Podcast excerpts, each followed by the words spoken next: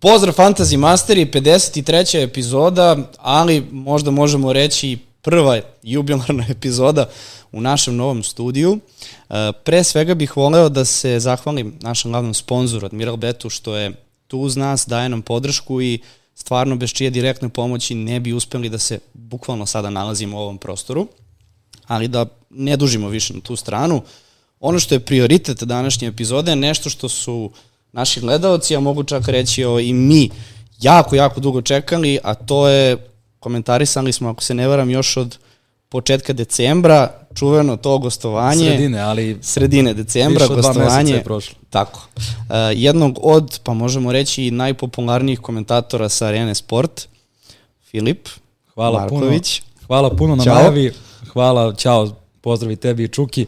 Hvala puno na najavi i hvala na pozivu. Eto, dogovarali smo se više od dva meseca i na kraju konačno da dođem i da, da gostujem u vašem podcastu. Ja bih samo za početak rekao, mi smo baš primetili u komentarima, često nam se dešava da kažu ljudi, dovedite Filipa Markovića sa Rene, dovedite Filipa Markovića. Mi kao, ok, zvaćemo čoveka, nećemo ni sad ni mi da budemo nešto previše agresivni, ali mi se čujemo da, da. i dogovorimo sve i samo se odlaže, odlaže i dogovorimo kad je to bilo pre dve, tri nedelje tačno ako se ne varam. Jest, jest. Manje više ne... dolaziš samo. Da, da, ne, uvek se nešto dogodi, ali evo sad sam tu i konačno dobro ti nama došao i mnogo mi je drago što si ti baš upravo osoba koja će sa nama zapravo otvoriti ovaj novi prostor u kome se sada nalazimo, a sa druge strane, Čuka, tebe stvarno ne treba da ne ja. ne mora, ja sam i dalje uzbuđen zbog eh, celokupne ove situacije novog studija, Filipa s nama u studiju, tako da ono, hoću da slušam Filipa da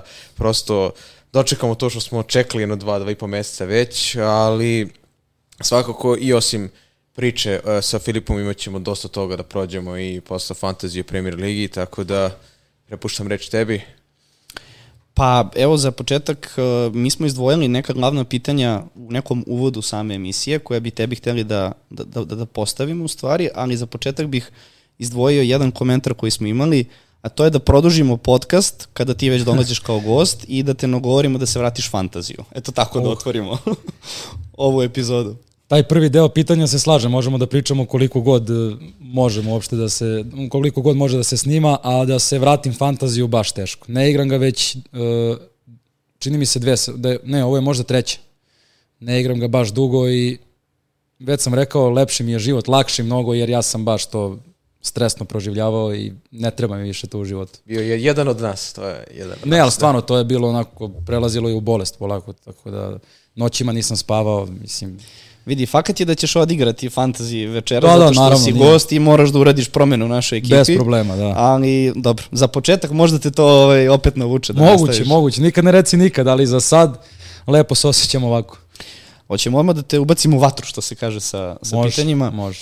E, prvo pitanje koje smo izdvojili je da nam prokomentarišeš da li je kvalitet futbalera opao u poslednjih par godina?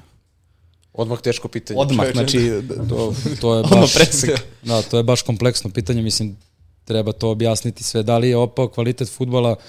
Pa, po mom negde mišljenju, sada kad nabrojite futbalere koji igraju danas i koji su igrali pre, ne znam, 10, 15, 20 godina, ja mislim da je tada futbol bio kvalitetniji, ali opet nezgodno je to reći jer sada imate igrače poput Halanda, Kevina De Bruyne, koji su bukvalno roboti, Mbappea i tako dalje i tako dalje Pre si imao ne znam, Ronalda, Vidića, Nestu, Rivalda, Carlos i tako dalje. Tako. Mislim, baš je kompleksno pitanje. Ja mislim da je futbal pre bio kvalitetniji, naravno ne mnogo, ne duplo kvalitetniji i tako dalje, ali mislim da, da je bio bolji. Ajde, ja bih, ja bih možda malo promenio pitanje, pa bih ga postavio ovako. Da li smatraš da je modern futbal doveo do toga da individualnost igrača ne može da dođe do izražaja?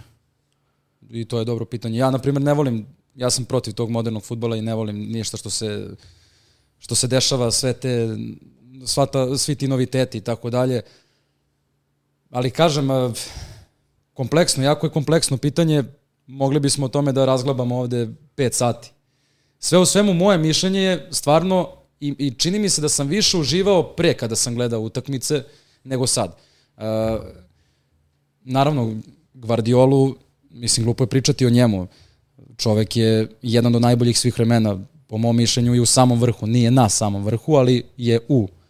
Uh, ali opet uh, i taj period kada je bio u Barceloni i tako dalje, kada, mislim, ta Barcelona je takođe jedan od najboljih kolektiva. Ja uh, ne mogu da kažem da ne uživam u tom futbolu, naravno da uživam, ali opet sve mi je to nek, negde sporo u odnosu na neke druge, neke druge taktike koje, koje smo gledali pre, ne znamo, da ne nabrajam sad trenere, jer, a to je taj nov, nov futbal. Nije u potpunosti nov, nije, nije Guardiola, ko što mnogi pričaju, kao revolucionar. Jeste on doneo nešto novo, ali zna se, ok, nisam ja živao u tom vremenu, ali dosta sam istraživao, dosta sam pratio, čitao, gledao, slušao. Taj futbal koji on igra sada, koji forsira, to je prvo krenuo čuveni Michels ili Michels, kako ga ko izgovara, posle to napredio Krojfa, sada je Guardiola odneo na to još na neki veći nivo. S tim što Guardiola sad pokušava da bude potpuni inovator, igra sa četvoricom u poslednjoj liniji, e, sa četvoricom štopera. promeni nešto u suštini. Pa da, mislim sad igraš sa četvoricom štopera i tako dalje i tako dalje. Ja kažem, volim, volim Guardiolu, naravno, nema tu šta, ali uh, više uživam, na primjer, kada gledam uh, Klopa. Klopa futbol. Pa, znao sam, iskreno, da. da. Jeste, Brže mi je, dinamičniji mi je, iz ugla neutralca ili nekoga ko ne navija konkretno za Liverpool ili City, ajde, ako već pričamo o Guardioli sad, stvarno deluje da, da nekako Liverpool više pridobija pažnju ljudi koji, koji gledaju ovako sa strane, upravo zbog te energičnije igre, ali mogu se složiti sa tobom. Samo i pitanje koje sam ti postavio na taj moderni futbol smatram da, da se nekako igra bazirala na to, ako znaš da imaš dobru kontrolu, znaš da dodaš, to je tvoj posao Tako Znaš, ti imaš, je brže od tebe svakako. Ti imaš da utakmice i... gde dođeš, evo, približiš se ovako 16 terci i kružiš, kao rukome da gledaš. I onda Prilike. to može da traje u nedogled. Da, to je možda ljude počelo i da smara, znam, kada je to Guardiola postavio u Barceloni pre 15 godina, ta tika taka, to je na početku zaista delovalo neverovatno, ali onda kada gledam tako razgovor ljudi koji prate futbol, u fazonu su smara tika taka, ide u krug, ide u krug, ono, lopta davi se. Ne, ali da, da, da, ljudi ne shvate pogrešno, da. mislim, to je, čovek je van serijski trener, van serijski naravno, genije, da. apsolutno, jer na neki način revolucionar, naravno, samo što mnogi mnogi su se postavili kao da je on izmislio to tika taka, da. kako već, pošto mnogi ne, u Španiji to ne zovu tika taka, ali nije ni bitno. Da. Ili da je već, sad sam pomešao, ali on je stvarno čovek, šta je sve uradio, šta je sve osvojio, nije to... Glupo je pričati da. uopšte o njemu. Mislim. Sviđa mi se kako smo od ovaj, generalno opštih pitanja već prešli na, na analizu Guardiola i, i ostalih trenera, ali dobro, samo jedan od pokazatelja rekao bih koliko trenutno je dominacija određenih trenera obeležila ovaj neki period. Apsolutno. Poslednjih možda 5, 6, pa možda se usudim da kažem 10 godina. Um, ali ajde da se mi sada ovaj, malo preusmerimo na ostala pitanja, jer stvarno celu epizodu možemo ovaj, da, da, na, na ovo pitanje. Te malo da te, znaš, zagrejem, da, da, da, šta neka, kaže ljudi. Um, šta je konkretno moje uh, pitanje tebi, uh, odnosno šta smo izdvojili od uh, naših pratilaca na Instagramu, uh, videli su, odnosno primetili su da generalno favorizuješ, odnosno u nekim pričama smo saznali da voliš Manchester United. I ljudi generalno su rekli dovedite Filipa da priča o Manchester Unitedu dok ne god može. Tako da moje pitanje, pošto je baš prethodna utakmica bila Manchester United Fulham, uh, kako si komentaris, odnosno kako si reagovao nakon tih 90-ih minuta, odnosno tog 90-tog? Da. Uh, nikad nisam imao u planu da krijem za koga navijam. Ja na svom profilu redovno kačim, mislim redovno, okačim ponekad ili malo češće, ne znam, i, i e, neki story koji u vezi sa Manchester Unitedom, tako da mislim da je glupo bilo ko da krije za koga navija, koga voli, jer svi mi koji radimo u sportu, mislim da ne možeš da kažeš ne navijam ni za koga ili ne, ne simpatišem bar ni, ni jedan klub. Ja od stranih klubova navijam samo za Manchester United i to je tako još od ne znam koje godine i kažem nikad nisam to krio. Uh, A to zbog generacije Vidića i ostalih ili pa samo ja sam, se... Ja sam počeo malo, mislim, ti kao dete kada sam krenuo da igram futbal i kada sam se zaljubio u taj sport, ja sam se zaljubio zbog tih čuvenih Galaktikosa i pre svega brazilske reprezentacije. Me, ja sam se zbog Ronalda zaljubio u futbal i meni je on i dan danas najbolji igrač kojeg sam ikad gledao. Mislim na Brazilca, na pravog Ronalda, Dobro, što bi se rekao. Da. Zubu. Zubu. Uh, tu si imao, ne znam, Carlos, Ronaldo, Rivaldo, pričamo o Brazilu, pa onda kakvi Galaktikos i tako dalje, ali tad si dete, ali uh, posle kada sam, kada sam postao onako malo zreliji, da kažem, i dalje klinac, ali ne toliki, Manchester United mi je bio tim za koji sam počeo da navijam. Da me pitaš razlog, zaista ne znam. Ja ne verujem da bilo ko izabere tim e, za koji će navijati tako što upiše na Google, ne znam, da vidi koliko ima trofeja ili bilo, nego ja, ne, nešto Da, te da. privuče. Jasno. Tako da, e, A čekaj, a sa ove naše strane, odnosno na našim prostorima, Crvena zvezda. crno, dobro. Da. Ge, generalno, evo navijaju pozadi. Ove, da, o, bilo bi interesantno onda i vas dvojica da uđete malo u neku priču, ali koja nema veze sa fantazijom. Ne, zato, zašto sam te pitao? Zato što često ljudi kada dođu ovako da, da snimaju podcast, nekad jednostavno ne žele da, da kažu, jer smatraju da ili ne treba da se zna, ili vratno se možda i Ne, plaše, ne. ne znam, ali... To mi je sve legitimno, ja, ok, podržavam sve, ali ja nemam problem da kažem za koga navijam. Tako i treba. E, Što se tiče poslednjeg, e, odnosno drugog dela pitanja, to protiv Fulama i gola koji je Manchester United primio u 90 i ne znam ko minutu, nije mi... Četvrti, peti i tako nešto. Ma, bila je nadoknad. Nije mi bilo prvi put tako nešto, ali trudim se, e, Nije se osetila, iskreno. Ne? pa e, ne mogu to da objasnim ljudima, ja zaista, ti u trenutku, pošto ja tako doživljavam futbal, u trenutku zaboravim ja da je to United, meni je to gol za pobedu u sudijskoj nadoknadi i jednostavno tako se osetim. E, Nikad nećete čuti od mene gol koji se de, dogodi u sudijskoj nadoknadi da je protiv Manchester Uniteda da ja samo kažem gol Alex Iwobi 2-1. Ne mogu to, zato što me povuče Neko, Kako- neko i tako komentariše, mislim, legitimno. I od stranaca, ne, okej, da, da. oni često to rade. Ne pričam, ja kažem za sebe, ja nisam taj tip, mene, mene futbal mnogo onako drma, da, da kažem malo žargonski. Vuče na energiju. Da, i ne mogu šta, šta, god da se, šta god da se desi, bilo koji dobar potez, bilo šta da vidim na terenu, odreagujem kako me ponese, ništa, ja ne glumim, meni, meni je tako i u životu generalno. Prirodna reakcija. I, i radio sam utakmicu United Galatasaray, koja je bila najvažnija utakmica. United je imao plus 2 i na kraju Aktor Koglu za 3-3. Ali opet sam, smatram bar, da sam odreagovao sasvim normalno. Mislim, kažem, stvarno u tom trenutku zaboravim, jer Aktor Koglu postiže gol za 3-3 u Istanbulu pred onakvim navijačima i I Ma gol da, koji- prosto u oko, mislim. Tako je, i gol koji je dobar, da. neki pas je bio, mislim, fenomenalan, da li, ne mogu da se setim sad, pas koji je prošao kroz nekoliko igrača Manchester Uniteda i Aktor Koglu, da li iz prvi ili iz druge reaguje, stvarno dobar gol. U takvom trenutku, u takvoj utakmici, ne možeš da budeš koliko god, pa da, da, da, da mi tata drži klub koji prima takav gol, naravno da ću da, ću da odreagujem onako kako reagujem. Ne, ne možeš drugačije. Ja ne mogu drugačije, stvarno ne mogu. Sad imaš pitanje, na primjer, od Ilija Jovićevića, kada ćeš početi da prenosiš neke kvalitetnije utakmice? Sad, ovo nije bilo namerno kao, pošto si pričao o Da, kao Unitedu, stvarno nije bilo Manchester United je krš. slučajno. Dobijam dosta, dobijam veliki broj takvih pitanja, ali ljudi jednostavno moraju da shvate da, da mi komentatori ne biramo šta radimo. Kada bi to tako bilo, ne bi Vas posle... sedmor bi, sedmo- sedmorica biste stajali u Tako jednoj je, sobici i tukli se ko će da prenosi neke je. derbije. Ne, a mislim opet Liga šampiona, šta god da radiš je Liga šampiona. Engleska premier liga, koju god utakmicu da radiš je premier liga. Mislim, ja volim šta god da mi daš da radim, ja radim na isti način. Ne zanima me da li je to treća liga Pakistana, što neko kaže, ili je, ili je finale Lige šampiona. Stvarno volim futbal generalno, naravno imamo omiljene lige, timove, sve to stoji, igrače i tako dalje, ali sve u svemu nije do mene, ne biram ja. Ali dobro, pretpostavljam kao i u svakom poslu, veliki faktor je iskustvo, verujem. Tako da i vremenom kada Dobro, ti da. budeš prenosio da ćeš dobijati neke, mislim, po znacima navoda, kvalitetnije utakmice. Kad pričamo o premier ligi, stvarno tebi jedna utakmica Brentford Luton, slučajno sam ih izabrao sad, možda ima i više gledalaca i, i pregleda nego neka Da, ovako vrlo moguće, da. u seriji A ili ne znam, La Liga. Mislim, Dobro, to, to ne, možeš ti da me sad demantuješ, verovatno, znaš te podatke, ali... Premier Liga ne može da se meri ni sa čim, to je ultra, ultra gledano.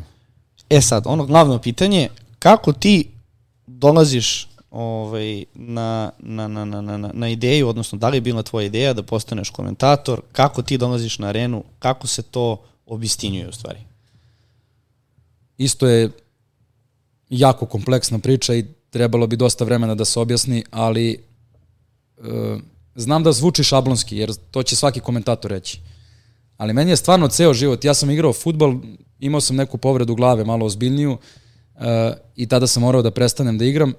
Od tog dana, čak i pre toga u stvari, meni je ceo život bila želja, ok, naravno svi maštamo da budemo futbaleri ili treneri, ali stvarno mi je ceo život bila želja da, da budem komentator. I sad, e, mnogi isto su to radili, kod kuće ono igraš igrice pa komentarišeš. Ja sam došao do tog stadijuma da su drugari dolazili kod mene, ali veliki broj drugara. Mi napravimo turnir kod mene, e, ja ne igram, Ti oni, do, komentarišeš. oni dolaze kod mene da oni igraju, a ja komentarišem. I stvarno, to mi je ne ljubav, to mi je strast bila i mene su drugari, njima se svidelo kako ja to radim, oni su me tada ubeđivali probaj, probaj, probaj. Ja sam bio skeptičan jer sam mislio da je, da je, nemoguće, da je nemoguće ući u taj posao. Pa da, i meni je, kad sam ja bio mlađi, bilo jedna, da kažemo, ideja i zamisli da postanem uh, sportski komentator, jer kada sam video da nemam možda dovoljno talenta da budem futbaler ili da se bavim nekom drugom strukom, mene su baš tako drugari, ne mogu da kažem zezali, nego poticali su me da ja budem komentator, jer sam ja volao iz prnje neke da komentarišem utakmice kada mi igramo FIFA, Normalno, normalno. a ja sam volao onako da unosim i neke ša, ša, šale, neke, da kažemo, gluposti, ali imalo na kraju nekog tog smisla, ali nikad nisam završio tim vodama, do duša, ajde, evo sad sedim u ovom podcastu, nisam komentator, ali na kraju krajeva sam možda uspeo neki svoj delimični san da ispunim, tako da, eto, ja verujem da su mnogi komentatori koji su sada tu na tvom mestu ili tvoje kolege imali tako neke zanimljive priče. Imam genijalnu ideju, ljudi da nam se javljaju, da dođu na snimanje, da, da ih snimamo 2-3 minuta, da komentarišu neku utakmicu koju, koju pustimo i da vam šaljemo to na arenu kao, kao preporuke. Ja sam imao drugu ideju. Hoćeš ti?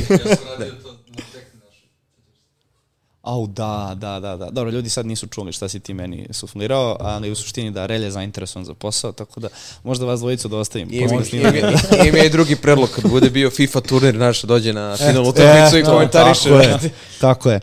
Ajde da se mi ovaj, prebacimo malo već na ovu futbalsku uh, priču koja ima veze sa u suštini narednim kolom, ali i generalno premier ligom. Uh, I to je prvo pitanje koje su ti postavili, ako se ne varam, Nikola jeste. Nikola Popović je postavio pitanje za tebe da li Liverpool može da osvoji premier ligu i pozdrav iz Podgorice. E, pozdrav za, za Podgoricu i za, i za celu Crnu Goru. E, ja smatram da može. Ja smatram da može, to... Ajde, sad je glupo, pošto je već koje, 27. kolo? je? Ne, 20... Sad, sad ide 27. Da. Pardon, ja sam i pre početka sezone, sad može da bude ona glupa čuvena priča, ali stvarno uh, odgovarao sam na one čuvene takozvane predikcije ko će biti šampion, ko će ispasti i tako dalje. Ja sam i tada rekao da je meni prvi favorit uh, Liverpool. I dalje ostajem pri tome, iako City je uhvatio zalet, iako Liverpool ima problem sa povredama i tako dalje i tako dalje. Mislim da Liverpool ima kvalitet i da može da osvoji. Videli smo kakav raspored City ima u naredna koliko, četiri, Četiri kola. kola, da. Pa ja bih rekao da generalno svi favoriti kakav raspored ima, jer u naredne Ne, jeste, 3-4 svima je. utakmice Da, da. svima je bitno. Znači, Nema, nema šta, ne, ne želim da ja izbacujem City iz trke, daleko od toga, niti Arsenal, ali čovjek je pitao da li Liverpool može. Da, da, da. da, da ja smatram da može i za mene je Liverpool prvi favorit, zato što deluje mi da, da ima snagu, deluje mi da ima motiv, odnosno sigurno je da ima motiv, pogotovo posle izjave Klopa, po- posle Klopove izjave, tako da oni, oni večeras igraju uh, Evo, baš protiv pratim uh, FA Cup. Southamptona. ali? Evo pove Liverpool. nisam to jest- čuo. Jel upravo ili... A ne, polovreme, Aha. ali su poveli malo pred Ko je dobro? uh, uh, Kumas. Louis Kumas. Omladinac. Još jedno dete? No Da. dobro, otprilike vrtić izašao Da. na teren, jel da? Da, Chelsea Leeds 2-2, to ćemo posle da To će biti zašto biti utakmica. Uh, dobro, naredno pitanje za tebe je bilo, inače, od tvog imenjaka i prezimenjaka. U, A koliko može Haaland u naredne dve utakmice? Ajde da odužimo to pitanje na naredne četiri, boga mi. to Znači ide United kod kuće, Brutalno ide razlika. Liverpool u Liverpool- gostima, Arsenal kod kuće, Aston Villa kod kuće. Je li to pitanje kroz fantasy? Ja mislim da je opšte pitanje, da li, koliko, do koliko golova će moći da dođe. Ili Samim tim je i da. fantazija, Da, mislim, realno. A dobro, mislim, to je sad baš teško pričati koliko može. On je robot čovek, mislim, nema tu šta. Evo šta je juče uradio, ono, ono nije normalno. Pardon, ali koliko može. Pa ajde da kažemo na ne, neki broj golova, koliko možemo da očekujemo njega. To, U naredne dve, pa neki- mislim da će protiv Uniteda postići pogodak, mislim, nije to sad... Ništa to teško trenutno. Pa, mislim, sa takvom odbranom ti igraš... Ne, ne, ja ne bih voleo, ali... Ne bih ni ja, ali biće kapitan. Dakle, Ajde kroz fantasy, ako pričamo kroz fantasy, na primjer, koliko golova, koliko Pa evo, naredno- bodova donosi, donosi bod. No, koliko Bodova bodova donosi, da, donosi da. gol? Pa četiri Pa ne, boda za napadača donosi kada Četiri, posljednje. pa... Ma ne znam, ne mogu da pričam o fantaziju sad. Ali Ne vez, daće golove. Vidi, Haaland je takav igrač, mislim, glupo je trošiti reč o njemu. Haaland je igrač da on može da ti postigne gol na svakoj utakmici, iako on za redom igra i protiv Uniteda i Reala i iza sebe ima čovjek De Bruyne koji ga hrani loptama, a vidimo kakav je finisher, tako da ne bi se iznenadio da postigne hat trick i da City pobedi 3-0, a opet- opet ne bih se iznenadio ni da, Ništa da ne upiše samo da. asistenciju, na primjer. Dobro, a sa druge strane, pošto igraju protiv uh, Uniteda, pričamo sad, jel te, Haaland i City, s druge strane imamo Hojlunda, koji u poslednje vreme više nije kako smo se zezali da je Haaland sa više, pošto je Hojlund, nego je stvarno počeo da igra čovjek i da... Hojlund je bolji od Haaland. Šalim se. Dobro, ovaj, da, ovo je bila kratka šalica. Da. Ne, dobro, mislim stvarno, ovaj, ne, Navija ne, stvarno, da, Da, znam, znam. da, to će, da, pa, pritom javljamo derbi. Pazi, znači, ne da se poklopilo sve, ali samim tim is- pitanje koje imamo u vezi Hojlunda, kako ga zameniti, odnosno, ajde da uporedimo sam, sam, sam, sam značaj jednog Haalanda u City-u i jednog Hojlunda u Unitedu. Uf, odlično pitanje. Odlično pitanje. Zrikavci sad. da, da. Baš, baš dobro pitanje. Ko je važniji timu? Ajde tako da preformulišemo, da. Pa evo, šta se desilo sa Unitedom bez Hojlunda? Na svom terenu protiv Fulama koji, koji je u, u gostima bio nešto užasan. Mislim, kakav god da je bio, morao si da pobediš Fulham. Haaland kad ne igra, gledali smo City bez, bez Ajde ovako, ajde vidimo ko je zamena Haalandu kad ne igra. Tako je, sad sam Alvarez to teo da kažem. I ko je potencijalna zamena, to je ko je bio zamena uh, Hojlundu Forson. Pa nije Forson, Forson je otišao na krilo da, Rashford, ali Rashford dobro da, je, da. Forson je generalno Da. došlo do pomeranja. Kad tako, kada tako pogledaš, što sam i krenuo da pričam, apsolutno je da Hojlund više znači Unitedu nego Haaland Cityu. Sad ovo isto može da se pog- pogrešno protumači i tako dalje. Treba A nije u objasniti. trenutnoj formi i kako je situacija bitna za obe ekipe, stvarno tako deluje. Zato, pa, zato što lepo je rekao, ti umesto Haalanda znaš koga imaš. Koga imaš umesto Hojlunda. Pa vidi, zamena za Haaland Alvarez koji po meni ulazi u startnu Unitedu i stavlja Hojlunda na klupu. svuda, Da. mislim. E, to, to ti, apsolutno. o, tome, o tome se i radi. Tebi kad ne igra Hojlund, Rashford je na, na špicu, a znamo kakav je Rashford na, kada je u špicu napada, jednostavno nije to on. Ne može nikako da odgovori na isti način kao kada je na poziciji levo krila. Forson, na primjer, protiv Fulama, ja volim kada se forsira dete kluba i tako dalje, ali Forson zaista ništa nije pokazao protiv Fulama i Ok, on je protiv Wolverhamptona debitovo u premijer ligi, odigrao je 4 minuta, upisao je asistenciju za Meinua, Meinua ali mislim, I to sad asi- asistencija da se to o njoj kažem. nešto priča. Da, Meinu je sve to mu je radio. loptu. Da, Suštinski manje više. sve je samo radio Kobe Meinu. Tako da, tako kada pogledaš iz te perspektive, stvarno, rekao bih da Hojlund u ovom trenutku, Mada ne, mo, ne možeš Ne, to da... Baš je, baš je nezgodno zato što Haaland je čovek... se, da. Mislim, sa druge strane, možemo tako da poredimo konkretno uz ovu utakmicu, evo da oduzmemo i Halanda, pošto neće biti Hojlunda, neće značajno opasti Ma šanse ne, Manchester City da pobedi, a Unitedu mnogo, Tako mnogo je, manje tako. šansi ima sada da pobedi bez Hojlunda. je, Eto, tako. to, da tako sad to poredimo.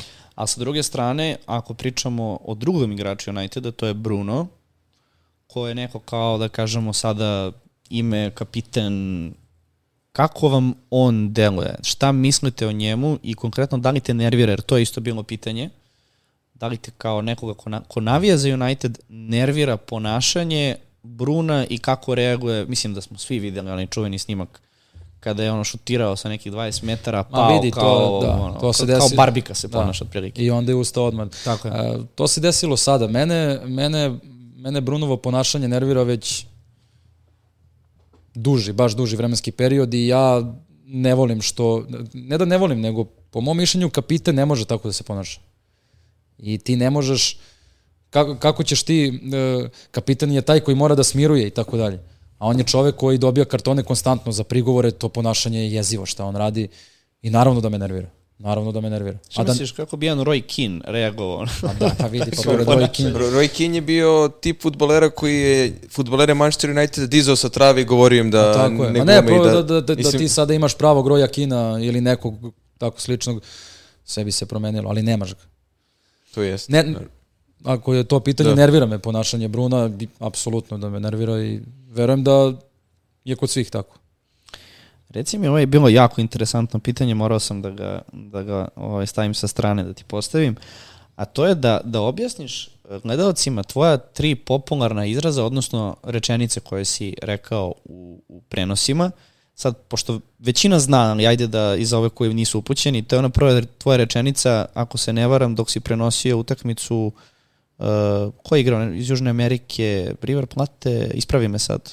Boca River, Boca super River. klasika. Da. Biblija među navijačkim pesmom, Da. tako? Uh, pa onda za Tonija si rekao suspenzija je prolazna, a klasa je večna.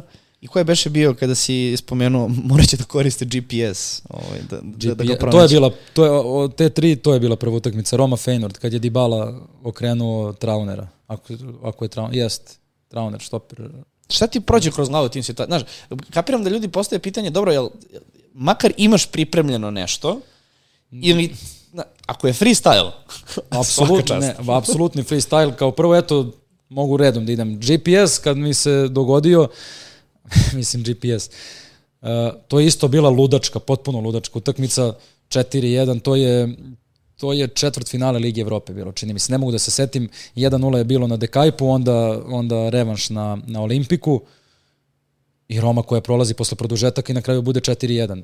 Uh, Dybala taj gol koji je postigao, igrao se, mislim, 90. minut. I taj gol je odveo Romu u produžetke. Ne mogu sad baš da, možda grešim. I ono, na Olimpiku znate kakva je atmosfera, koliko ljudi ima, meni u slušalicama grmi, to, to je neverovatno šta se dešava. I Dybala koji je za mene stvarno jedan od najvećih majstora futbala.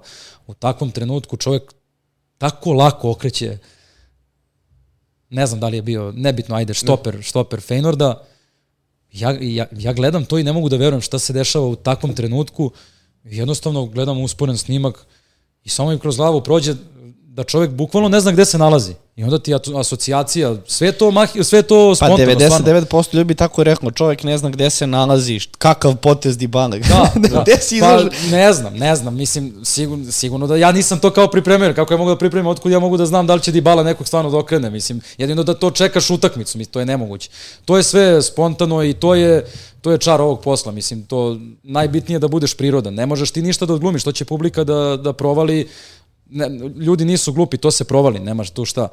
I GPS sam se setio, ono, Teo sam, uh, mislim, ne da sam hteo, nego u glavi mi je bilo, vidi ga ovaj, ovaj ne zna gde je levo sad.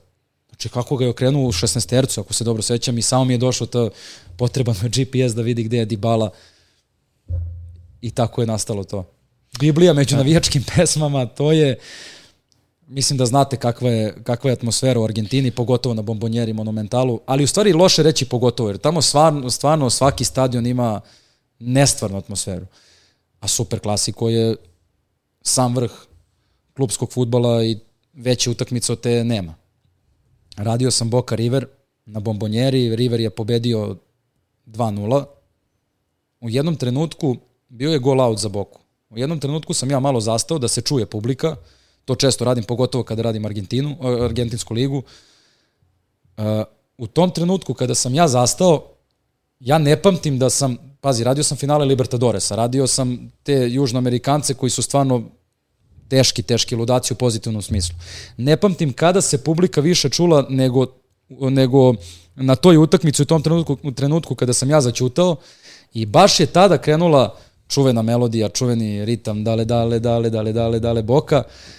Jednostavno, ja smatram da svako ko prati futbal, ne računajući himne, verovatno najpoznatija himna na svetu You'll Never Walk Alone. Ali, Da, to ako pitaš, rekao, da. ali ako pitaš nekoga za navijačku pesmu, ja mislim da ne postoji, ko prati futbol, n- ne postoji čovek, znači pesmu, ne himnu, ne postoji čovek koji ne zna taj ritam, dale boka ili melodiju. I men, ja sam začutao baš u tom trenutku kao da sam znao da će oni početi da grme. Uopšte nije bila, A da. nije bila ta melodija kada sam ja začutao. I stvarno sam se naježio jer ne zato što ja kao sad navijam za boku ili nešto, nego volim to, ko što sam rekao na početku.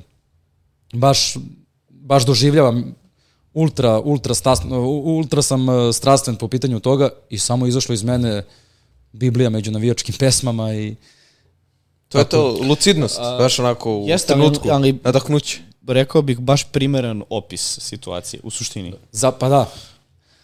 Mislim, moram da ponovim, to je nešto što, što ne možeš da spremiš. Ja sam Boku radio mali milion puta. Ja da sam, da sam, da sam znao taj izraz, odnosno da sam ga spremao, Verovatno bi ga rekao Ja, tri, Na početku da, da, utakmice. da. Tako, nešto ne, da. ne na toj utakmici, nego bih ga rekao na prvoj utakmici koju sam radio Da. da. boku, jer ne mogu ja, kao, kao prvo ja nisam znao da li će raditi super klasiku ili tako Da. nešto. Mislim, ne možeš to da spremaš, to, to te ponese u datom trenutku i to je, znaš koliko mi se puta, na primjer, desilo, dođem, eh, vrat, završi se prenos i razmislim, gledam reprizu i dođe mi neka rečenica u tom trenutku koju nisam rekao u prenosu. Znači, to ti je sve spontano. Isto kao za, za Tonija. Suspenzija je prolazna, klasa je večna. Ja sam radio utakmicu e, kada se Mitar vratio posle suspenzije, on je imao osam utakmica, je li tako, toliko je pauzirao, ne mogu da se setim. Mo, dobro, da, Da. neki Nebitno. broj je bio. Ja sam radio prvu utakmicu na koju se on vratio. Ušao je sa klupe, ne mogu da se setim ko je bio protivnik, mislim da je Fulham bio uh, gost, skoro sam siguran da je Fulham bio gost, ali ne mogu da se setim ko je bio protivnik. F, uh, Mitar ulazi, prva utakmica posle suspenzije. Mitar ulazi sa klupe i daje gol. Meni je tada prošla kroz glavu ta rečenica, uh, tada, mi je, tada mi je povuklo da kažem suspenzija je prolazna klasa je večna. Ali, šta se desilo? Uh, kadar me je odvukao jer Mitar se radovao, otišao je do, do Fulamovih navijača koji su bili odmah tu iza gola blizu i mene je kadar odvukao i to je isto poenta komentarisanja, da pratiš kadar. Ti sad nešto ti se desi, nema poente da ti pričaš nešto drugo. I onda sam ja rekao u tom trenutku, čekali su ga Cottagers i čini mi se i konačno dočekali, Mitar se posle vratio ne znam nija koliko i postigao gol i tako dalje i tako dalje. E, i onda je došao Toni koji čovjek nije igrao 8 meseci, postigao gol. Mislim, kako da ne kažeš primerenije. Da, Primer- primerenije. Ali, na, znaš zašto, šta je interesantno? Spomenuli su to kao pitanje, ali je onda jedan od uh, naših pratilaca tražio, i ako možemo da pustimo tvoj glas sa neke utakmice, uh, ovom prilikom molimo arenu da slučajno ovaj, ne bude bilo kakav problem, ali mi smo izvukli baš pošto je skoro bila zapravo situacija, a jeste, poklopila se baš sa Tonijem. Sad Baš ne znam, baš sam gledao utakmicu u mojoj znak sobi. Arena Englanda. Morao sam, morao sam. Spreman je Ivan Toni. Mora posle komentarišemo kako loptu pomeri. To se nije vidjelo znak na, na, Arena England. Toni šutira! Jedan, jedan!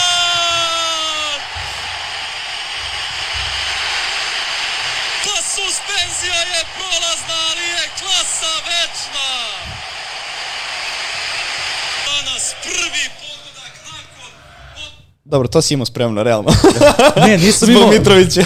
Ne, ne, ne, ne, nisam imao spremno uopšte, nego sam Šalim se se. prisetio, ne možeš, kažem ti, ne možeš da spremaš, prisetio sam se uh, u tom trenutku, nisam ja kao imao na papiru spremno, daleko od toga, nego sam imao u tom trenutku, u glavi mi je bilo, čovjek se vratio, ono, suspen... ja ceo meč sam naravno pričao o suspenziji, takva je bila i najava i sve. Reakcija kao brat rođeni da ti je dao.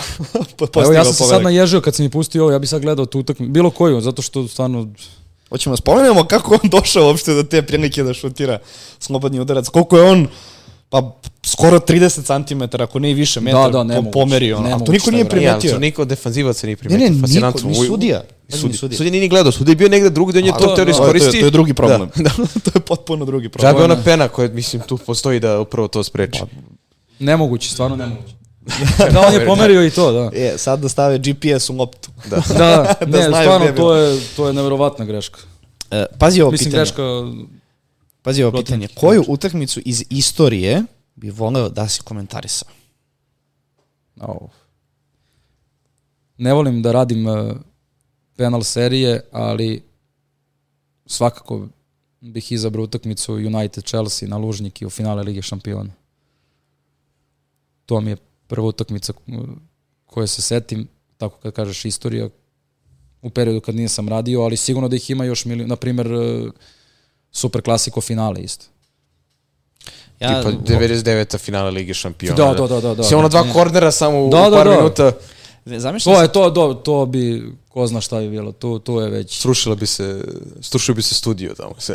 Pa, Zamišljam, pusti studio, ne znam šta bi bilo sa mnom. To je... zamišljam situaciju da si prenosio uh, 2010. svetsko prvenstvo, kad je Lane dao go. To, to, to bi mi bio interesantan moment. Ili da si prenosio kada smo osvojili za mladince svetsko prvenstvo na Novom Zelandu. E, da, to da, bi da. mi. O, da, možda taj drugi gol. Ko je beše dao? Maks Maksimović. Maksimović, da. Ko je to? Neki 119 Dobro, naravno, sada minut. kad idemo u istoriju, naravno da bih izabrao i finale Kupa evropskih šampiona 91. Mislim, ali nisam gledao baš toliko A. Aguero? Da, da. I pa ne bi, sve, sve bi, E, to bi bilo uh, dobro. Aguero je postigao, pogledaj. kažem ti, stvarno ne bi, zato što ne bi bilo tako. Šalim se, Ali šalim se, ne, naravno. kad pričamo o nekim istorijskim golovima, na primjer Runijeve makazice koje E, postigao- to sam sad teo da kažem. E. To sam hteo da kažem, to je... Stvarno ne mogu da se odlučim sada za jednu utakmicu. Da li bi to bio kup, finale Kupa evropskih šampiona, da li, op, Istina. da li bi bilo... Fina, Tuci mikrofon. jel okej? Da. Da li, bi, da li bi bilo finale Lige šampiona na Lužnikiju, da li bi bila Srbija-Nemačka, da li bi bilo Makazice Runija, mislim, to je... Ima, ima, ima, mislim, odlično To, to, pitanje, to može ali bude je, pitanje, utakmica ili gol? Trenutak gola koji bi najvi, omiljeni gol koji bi, bi želeo da se komentarisu. to je onda Runi. To je Zato što da. kažem, ne volim penal serije Ne, nešto, da. ali Runi... Pazi, pazi sad. Utakmica Leicester Watford. Au, gde se Au. to... Troje, troje, troje Dini kad je... Da, ali ti bi izgubio glas, znači da, na, na voleju Dinija ti bi već Svaka bio... čast, čega si se setio. Ne, prvo, odbranjen penal, tu se već diže Ne, euforija. ne, ka, pritom ni- penal koji ne da nije bio penal, nego je ono, pao je, ko je bešte bio, Nokart? Se Tako izgovara, no, No, Nokart. no ker, no, Čega se ti setio, svaka čast. Kako je tu utakmica bila, bre? Legendarno. Ludilo, ludilo. Dobro, uh, imamo još jedno I pitanje. Fun fact, nakon te sezone, Leicester tek onda, on je tamo ulazi u je. Premier Da, da, ligu, da, da, da. jedva opstoji i osvoje, osvajaju 2016. I evo ih sad opet u Championship. Pa dobro, će se. A, imamo još jedno pitanje za tebe, pa onda polako već ulazimo u tu diskusiju oko fantazija. A, pitanje je top 3 desna krila, pretpostavljamo u Premier Ligi. Pa, Da. da. ajde, nije to sad teško odgovoriti. Salah, Saka i i City da izvadiš. Tamo može svako da igra desno krilo. Pa, Foden, Zavisi Foden, kako. Foden Silva, zavisi. Ali vidi, ja ne bih... e, ne to, E, sad sam E, teo kažem. to- to- Nešto, nešto možemo da vidimo, on, Ne bih- najbolji i omiljeni. Znaš, ono, ne, ne, možda se njemu sviđa Pedro Neto, kao što je meni on onako favorit kad ga gledam samo kako pleše po terenu. Ne i bih kako nikako izostavio Pedra Neta, meni on, nije mi omiljen igrač, ali ja njega obožavam stvarno kako igra. Pedro Neto, Jared Bowen, Leon Bailey, isto njega obožavam. Uh, imaš mali, ali ne možeš da ih staviš ispred Salaha. Nema, nema, Ne, mislim, pa dobro. nema Salah kao neko ko je tu ono, najkonstantniji već godinama, ubedljivo najbolji, Saka kao najveći nadolazeći talent uz Fodena na toj poziciji Da. i ostatak igrača pa koji ne nije igra... Foden ta pozicija. A dobro, da, ali, nije, nije, ali ali nije, nije, nije po prirodi, ali ove godine ni najviše popunjavao tu poziciju nedostatku. Ali vidi, ako pitaš u Pa, ovom trenutku, da, isto mislim, ali ako, vi, ako, ako pitaš u ovom trenutku sada da napravim svoj tim, ne na fantaziju, nego ovako, dobro, ajde, naravno Salah, pa ne znam da li bih stavio, dobro, Fodena ne bih stavio na, na desnu, Dobro, da, možemo biramo da, ali tu bi vratno Saka, Salah i ako baš pričamo o čistom I. Da, to njega, sigurno, njega ispred, ispred uh, Salaha. Dobro, ako Garnačo igra desno, ako pruža partije koje pruža A ne, i on je, on I je on je, da. levo, da. Ne, ne, Ali mislim pričamo da... ako- ko je tu trenutno ili ko je po prirodi, ali Salah je onako Pa nema on je, O, dobro, da. Uh, e, dobro, hoćemo onda da... Pro, ovo je zapravo stvari pitanje za tebe. Mislim, malo da, malo da i tebe zagremo. Uh, da li u 29. kolu igrati sa šest igrača ili aktivirati free hit? Već ulazimo polako u fantasy. Tu, tu, naš, zašto to pitanje možda još uvijek prerano? Nisu gotove utakmice ove koje pratimo, Pa. jer od tih... Uh, molim?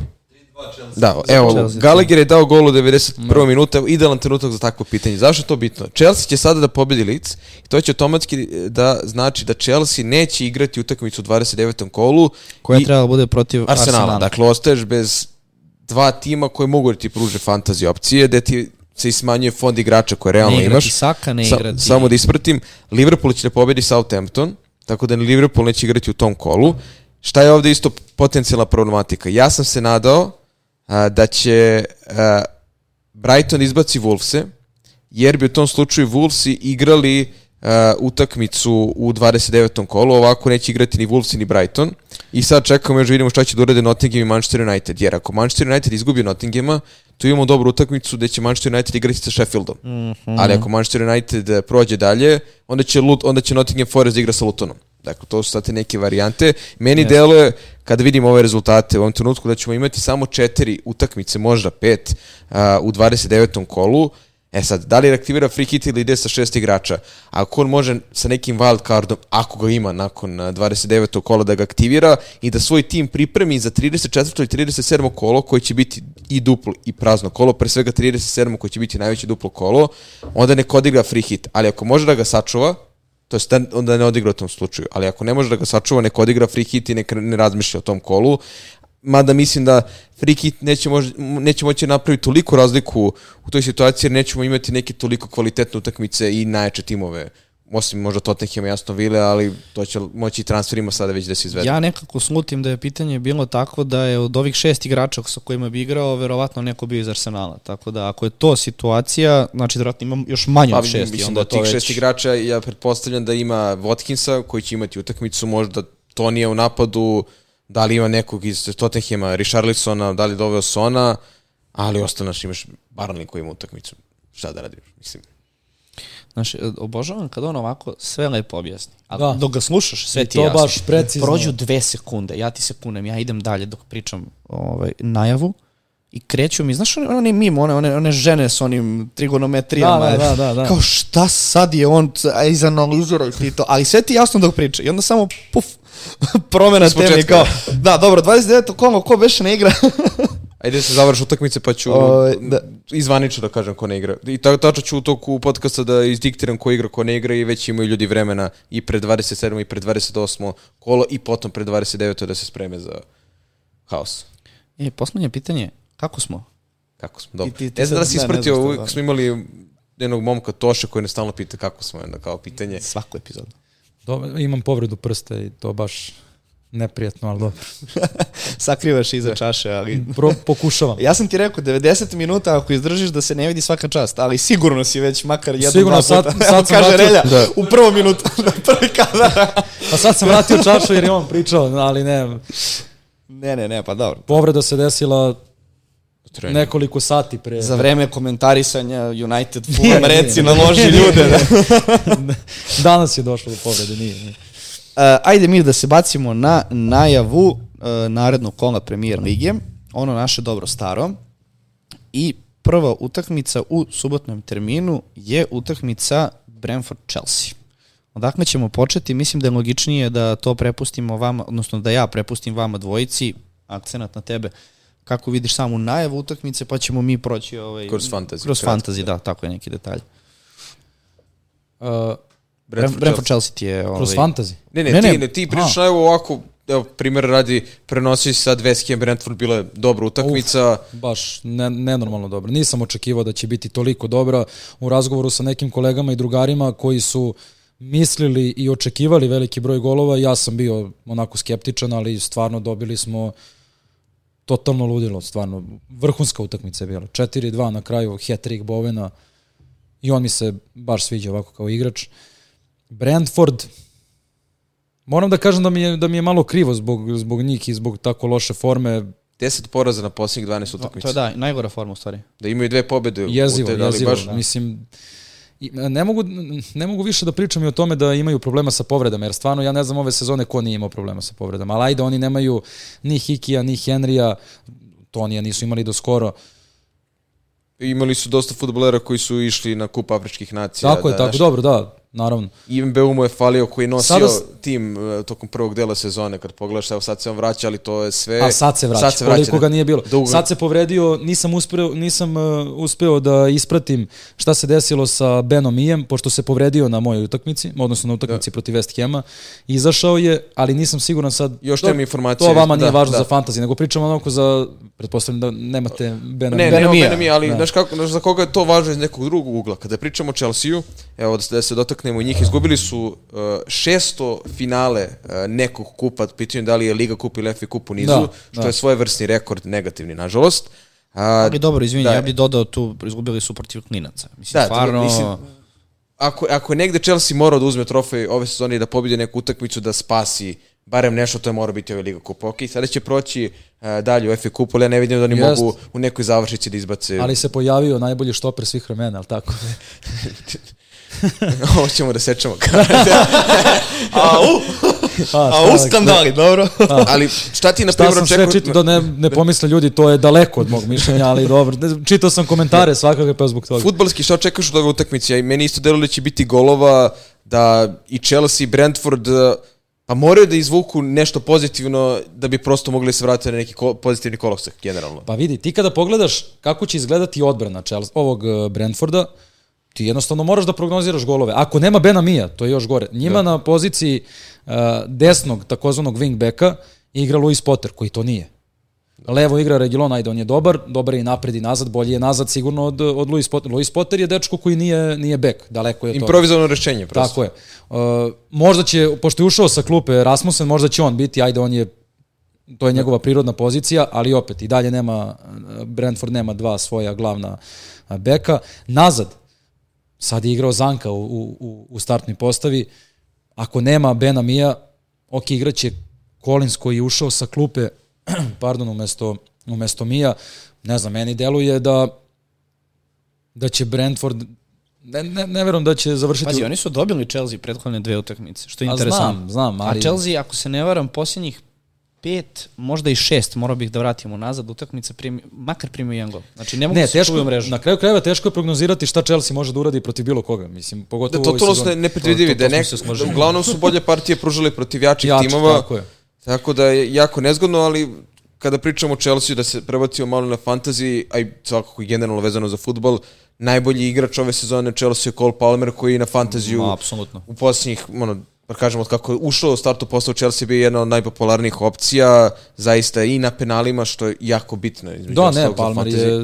Uh, ono što je Bowen uradio sad uh, Brentfordu, ispratio sam uh, snimke utakmice, to je bukvalno nešto što možemo da očekamo od Palmera, to neko kretanje i ti golovi koji su dolazili na onu asistenciju posle Soufala, tačno vidim da će Palmer da se pojavi Ali ono, ono što je Bowen radio, znači ti možeš da postigneš tri gola, nešto na tacno, što bi se reklo, ali Bowen je stvarno On je prvi gol razbio prije, da. da. on je, on odloži loptu, nastavi kretanje, njega isprate, mislim, stvarno je dečko odigrao vrhunsku, vrhunsku utakmicu, samo da vidimo, evo, Manchester je poveo u de- 89. minutu Kazemiro na City groundu.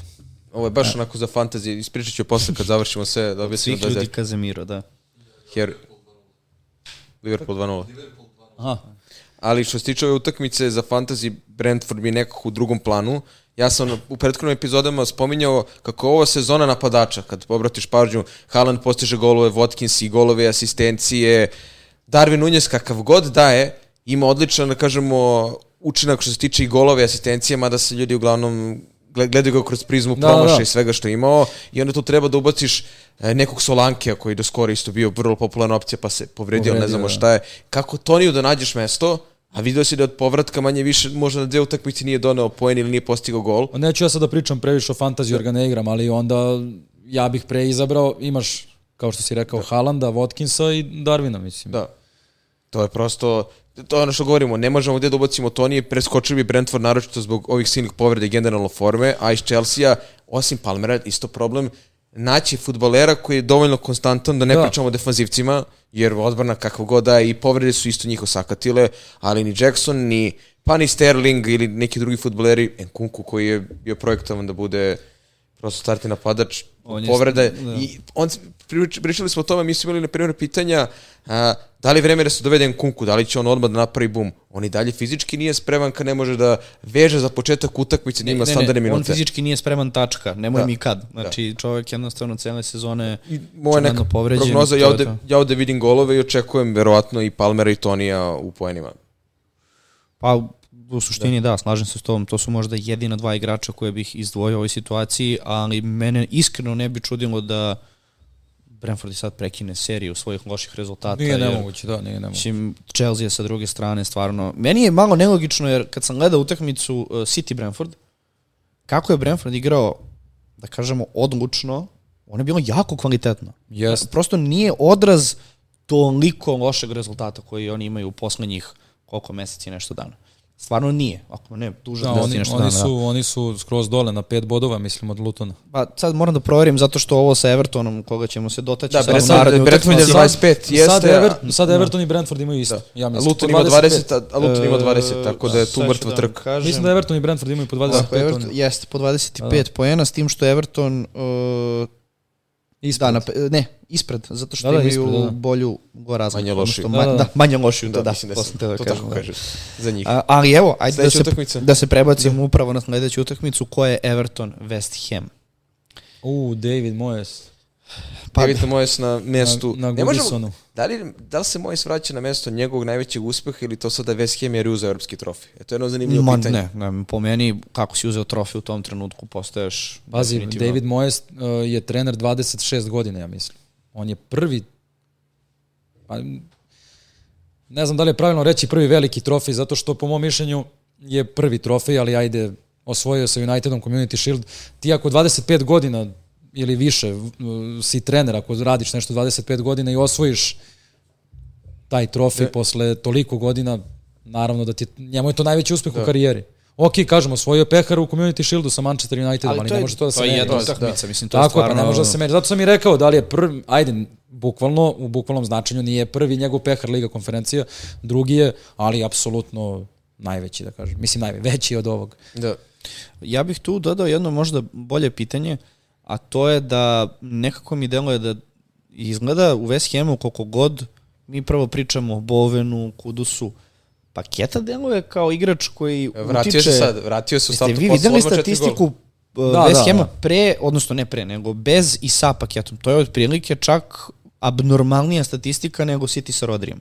Da li je moguće da on stvarno toliko utiče na igru? To je, to je prva stvar. I druga stvar je, ako je to stvarno tako, mislim, onda stvarno nije čudo što je City hteo koliko, skoro 80 miliona funti da ga plati. Mislim, Da, mene uopšte ne bi čudilo da on uh, u sledećem prelaznom roku završi da li u City, da li u nekom takvom klubu, zato što je dečko stvarno vrhunski futbaler.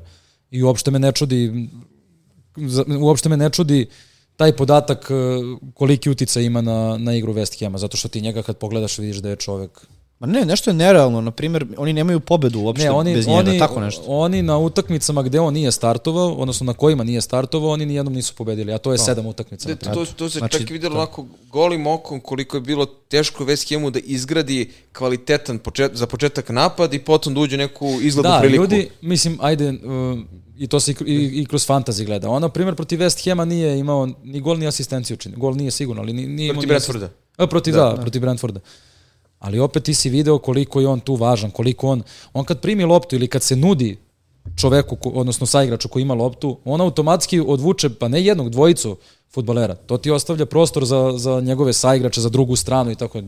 Mislim, paketa je klasa, stvarno je klasa i mislim da će i volao bih u stvari da, da promeni klub, ne zato što ja kao ne volim West Ham, tome, nego Zaslužuje. zaslužuje, jednostavno zaslužuje. E, vidi što je lepo rekao, upravo povratak pakete je za fantasy bitan ne zbog njega samog, već zbog Jaroda Bojena, dakle prvi hat-trick eh, njegov u premier ligi. Tamanje došao slično na trenutak kao sa Grossom kada su spomenjali jao da li da se prodaje jer on ne donosi poene. Sad smo opet u situaciji da West Ham je tim koji će imati utakmicu u 29. kolu, imaš Jaroda Bojena, imaš i Mohameda Kudusa, kojeg zaboravljamo da igrao i Da, da, sjajno top, na top. Kupu Afričkih nacija, da se zaista lepo tu upario sa Bojenom, a West Ham trenutno nema zdravu devetku ili iole kompetentnu devetku da igra na toj poziciji, pa će vjerojatno Bojen da bude e, istoriji vidiš da mu napadač. ne smeta. Vidim, to mu apsolutno ne smeta. Bojen je sada, ako je paketa zdravi, ako ne bude nekih nepladerenih povreda kartona, ponovo se vraća u, u opšti, kažemo, e, izbor za fantasy, jer doći će to 29. kolo, neko će da pali free hit, neko će da juri sa 6-7 igrača, Bojen mora da bude u tom slučaju u, u timu. E sad, idu utakmica protiv Evertona, dakle, tradicionalno tvrd i onako negledljiv protivnik još e, od kada je tu Sean Daješ, ovih plus 4 pojene što su im vratili će poprilično im olakšaju, realno. Znači, na, osjećam samo tu tugu navijača Lutona. Da, da, da. čitaju vest i shvatio samo da su potonuli ovako dole. Što ali, se moglo i videti u rezultatu. Da, ali ni Everton, ni Everton nije bio u nekoj bog zna kakvoj seriji. Doduše oni nemaju pobedu od 17. kola na posljednjih šest utakmice, pet nerešenih ishoda, što de facto nije loše za tim koji se bori e, za opstanak. Ali od ove utakmice na Goodisonu očekujem da će ipak malo biti udarac u tvrdu, da neće West Ham tek tako da probije Everton, Ma ne, ja uopšte ne očekujem, ne očekujem neku rutinsku kao Da, pobedu. West Hama, daleko od toga. ali ako neko bude Jurio Bojna za neke dugoročne planove, da, pre svega zbog 29. kola, a neki diferencijal Mohamed Kudus, jer očigledno povratkom pakete ceo tim je tu proigrao i ajde da spomenemo gol Emersona. Kako uh. je Uh. postigao protiv... Svaka čast. Meni je tu fascinantno kako on stao, naš, uglavnom takvi Da, da, da. golovi dolazi iz trka. On je Da. primio loptu i samo praćku poslao. Imao je prostor, niko nije izašao Da. na njega. Prvi gol uh, u ove sezone. Da. Je bio odličan, baš Da, da, zbog fantazije gledamo gol i asistencija. Jeste imao asistencija. da. Sve vreme je napadao, sve vreme je bio na polovini West, ovog uh, Brentforda. I baš mi je drago što je postigao gol, jer stvarno smatram da je zaslužio, ali onakvu golčinu, ono je bolest. Zašto to govorimo? Mi smo ove sezone nekako apostrofirali da redko koji tim može da sačuva mrežu i zbog toga što sad uh, zaustavno vreme traje duže, Da, prosto po 10 podržavaju za sve, gde je neki akcent tamo na fantaziji bio na futbolerima koji moraju da budu defanzivci na igrici, ali prosto mogu ofanzivno da donesu poene. Ovo što je Emerson uh, odradio protiv Brentforda, može bude neki putokaz, eventualno se zabere neki jeftini diferencijal, da on bude neki defanzivni igrač i zbog 29. kola i zbog toga što može da donese poene uh, u napadu. Ali što se tiče Evertona, ne bih baš mogu da izaberem nekog futbolera koji je iole trenutno relevantan za fantasy. Ti, Nikola, imaš Pa, nekog favorita? ja bih tu možda samo preusmerio opet pitanje f- fantazije na Bovena, zato što stalno smo spominjali da napadače, ok, gledi da li će biti dobra forma, kakva mu je forma, na koji način će oni ovaj, igrati u narednih par utakmica, ali da li ćeš sad stvarno da savetuješ nekome da dovodi Bovena u momentu kad je postigao hat-trick? Znaš, kao, to je, ono, to je takvo pravilo da ništa neće Dobro. uraditi na narodnoj utakmici. To, da, mo- možda čak i pred Da li ovo- da hvataju taj voz? Pazi, pred ovo kolo da neko ima jedan transfer, pronaći ćemo neke druge klubove koji imaju bolju utakmicu, gde može da se pronađe futbaler, ali kao ako neko hoće da ima Bojena ne zbog utakmice s Evertonom, nego mu je potreban za neki dugoročni plan, što da ne?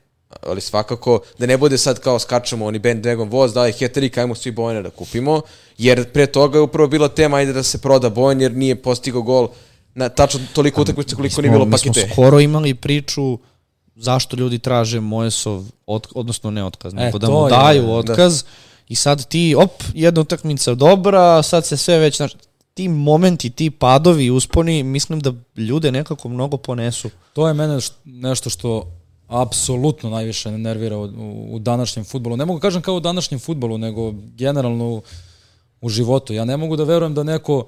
Ja se sećam da je pre dve sezone, valjda, ili jedno, ne znam ni ja, da su navijači, ali kad kažem navijači Liverpoola, mislim na navijače ovde u Srbiji, ne znam sad šta su Englezi.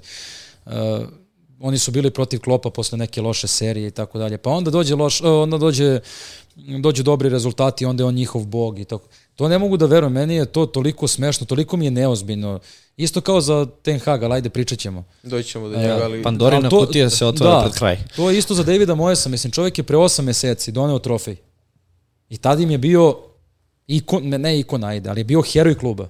Sada krenuli malo loši rezultati, pritom West Ham Oni je... su osmi i dalje. To sam teo da kažem, West Ham je na sredini tabele, u, gornjem, u gornjoj polovini tabele, moje saut, moje saut. Sad, na primer, uh, pobedio je Brentford, pobedit će, na primer, u narednom kolu Everton, opet će da bude uh, bog. Znaš ti, I imaju Barnley. da- Da, oni da je- dobiju šta- Everton i Barnley, eto ih kuci vrata tu- opet da... To mi je, to mi je nemoguće Da. šta, šta ljudi, koliko nemaju strpljenja, mislim, da, da, da Ferguson da je, Ferguson isto imao Pa nekoliko sezona se čekalo. Nije, nije oni čak ni u drugoj sezoni napravio rezultat. Ko? Ni- Ferguson, dakle, bilo potrebno nekoliko sezona, sezona? da, ne kažem, nije, nije bilo da se čekala jedna sezona, pa ajde u drugoj će da napravi nešto. To je bio proces od nekoliko Tako godina je. i sezona. Tako je, bio je čak i u, u jedno vreme u donjoj polovini tabele, blizu. To je ono što se kaže, ti postaješ žrtva svog uspeha. Znači, navikneš ljude na jedan standard, navikneš ih na jedan... Koji standard kad su Uspeh. oni prošle godine se borili za opstanak? Oni su, da osvojili su evropski trofej. Uzeli su titulu Jesu, i, po, ali- i pola ove sezone su bili u top 6, 7, 8, 10. I Zato što su od, od njega se odigrali dobro. očekivalo da da dodatno gas i da proba još. Krenula je serija loših rezultata, ovo što kaže Filip, ti odmah imaš situaciju gde Mojes treba da ide. A kažeš sebi stani, ono, ok, loš period, mesec i po Uzeli su, dana, da, nebitno. uzeli su trofej, doveli su neki igrače, mada i prodali su najvažnijeg. Jeste, Ali ne, ne, ne, ne mogu to da shvatim i nikad to neću shvatiti, stvarno. To mi je najgora stvar koju, koju gledam. da se mi... Ne samo za moje, nego generalno. Da se prebacimo mi dalje, inače, Da, ajde. Mojes, neki on nama živi zdravi, neko ostane u tom West Hamu, ako se slažete. Po meni, on Ma, zaslužuje da, da tera dalje. E, naredna utakmica, Fulham dočekuje kod kuće Brighton, tu odmah spomenuti odmah Estupinjana koji stvarno više nije ni po znakom pitanja, sad je već neka definitivna lutalica u toj priči. Izašla je izjava da je Zerbi da je ga čak onako javno iskritikovao, što se redko kad može vidjeti i nije baš dobar znak, naročito za fantaziji. A Brighton ove sezone, to smo stalno spomenuli, znaš, ne znaš kad, ne znaš kad očekuješ da li će da pobede 5-0 kao što su pobedili Sheffield ili će da na kraju odigraju nerešeno sa Evertonom.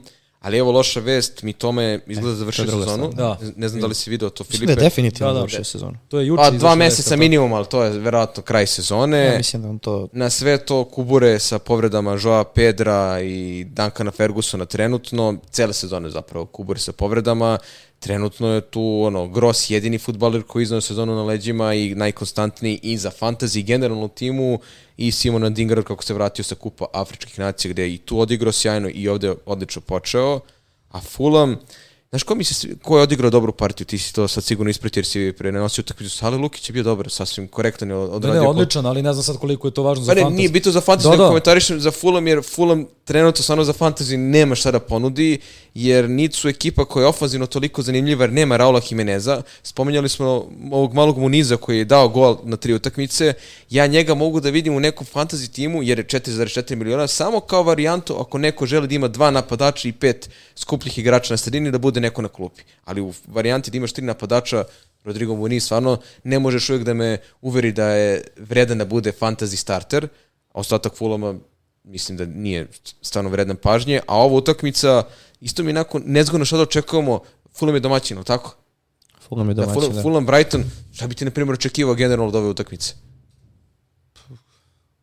Ko će biti pobednik? Pa da, Pa mi, misliš da će Brighton da izađe na kraj ili će ponovo ne, Fulham da iznenadi? ajde da kažem da mislim da Fulham neće pobediti. Da, da je to neko, znači vidimo neko, ja isto mislim da će pre biti nerešeno čak nego da će Brighton Pa, da, da. pobedi, ali i ovo iz ugla fantazije nedostatak mi tome možda vrati stupinjano u neku priču, jer igraju na istoj strani bez obzira što to je to sad ćemo. onako diskutabilno, ali Gross je jedini koji je dokazao od njega, su, od kako smo spomenuli, potencijalno prodaju četiri utakmice u nizu kako je imao napadački učinak, bilo da su asist- asistencije ili golovi i tu bih završio priču na njemu ili nešto hrabrije Simona Dingra i, i to je to trenutno od i Brightona pa i Fulama. Posljednjih osam duela Fulhama Brightona, Fulham ne zna za poraz. Uf, Ako niste znali. zanimljivo. Eto, Da. Što znači da će izgubiti. Da. Da, da, da. Znači, kad god, Logično. pronađeš, kad god pronađeš takvu statistiku, Da, da, ta, da. ta Normalno. utakmica je presudna onda za... Ne. Šta, nisam ti čuo?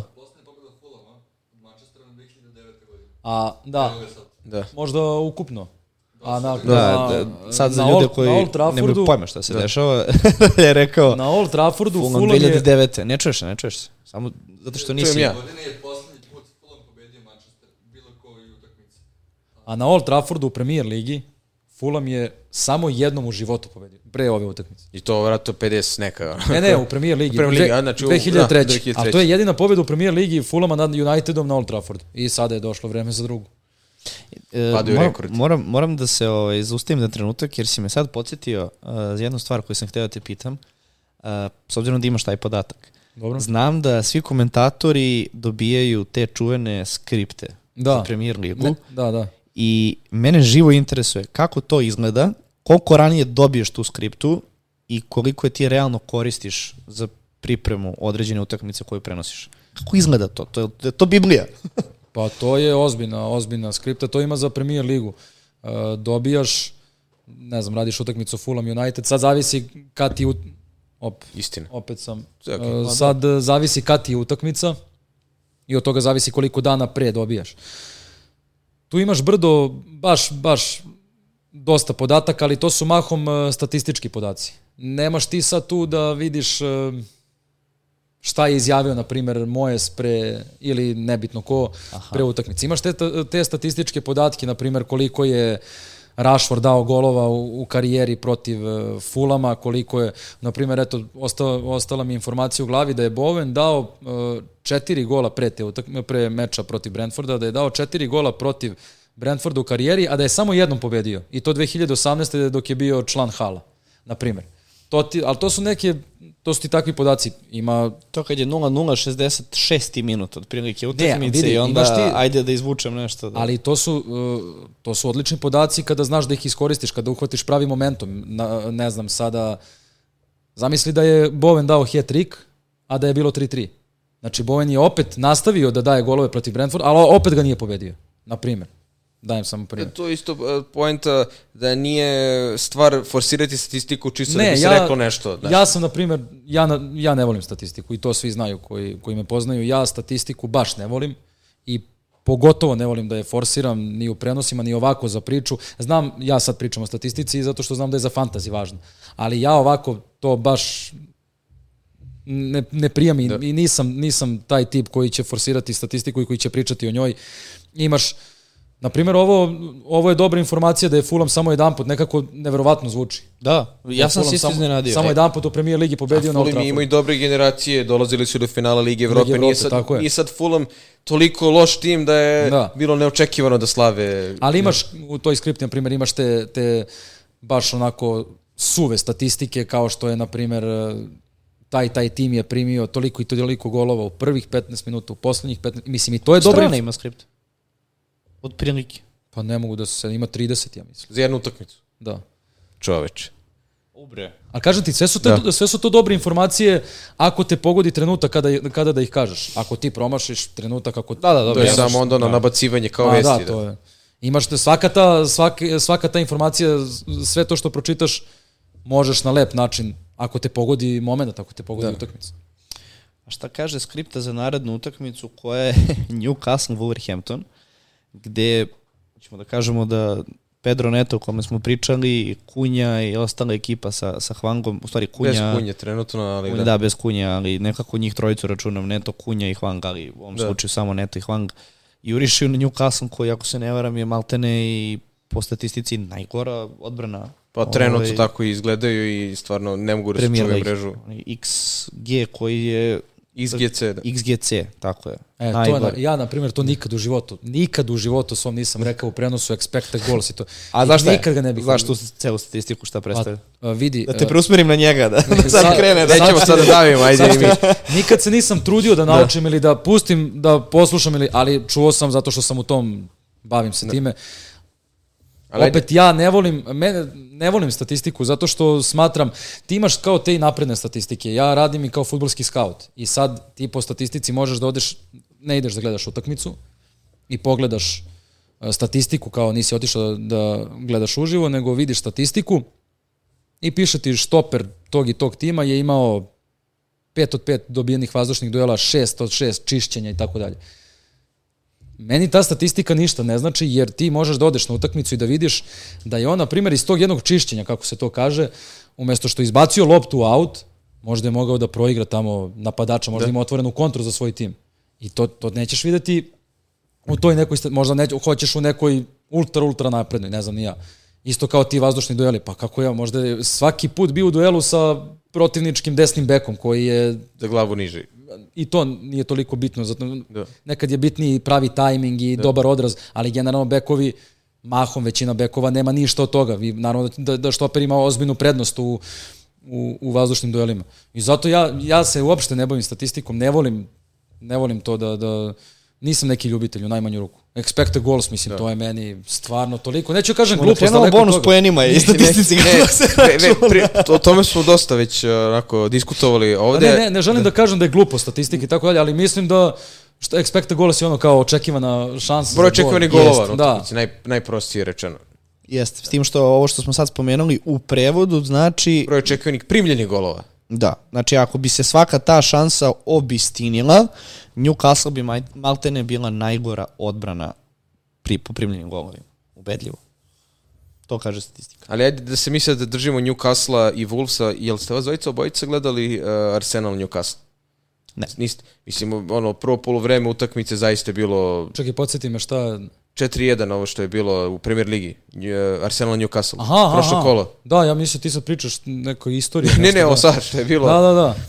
Uh, Newcastle ponovo odigrao jednu partiju onako iz tog nekog renomea gostovanja gde su uglavnom pružali loše partije ove sezone, izuzev onog gostovanja Sheffieldu kad je bilo 0-8, ali opet kada dođu na svoj teren, tu se Izuzev pa, gostovanja West Hamu. i West Hamu, da, ali uglavnom ono, i u tom nekom periodu između te dve utakmice Da. su bile, uh, bilo loše gostovanje, ali onda kad dođu na St. James Park, Anthony Gordon se pojavi i postigne gol, jer ima tu, da kažemo, konstantu da na gostovanjima ništa ne radi, u smislu da ne može da postigne gol i da asistira, ali da na St. James Parku manje više konstantan.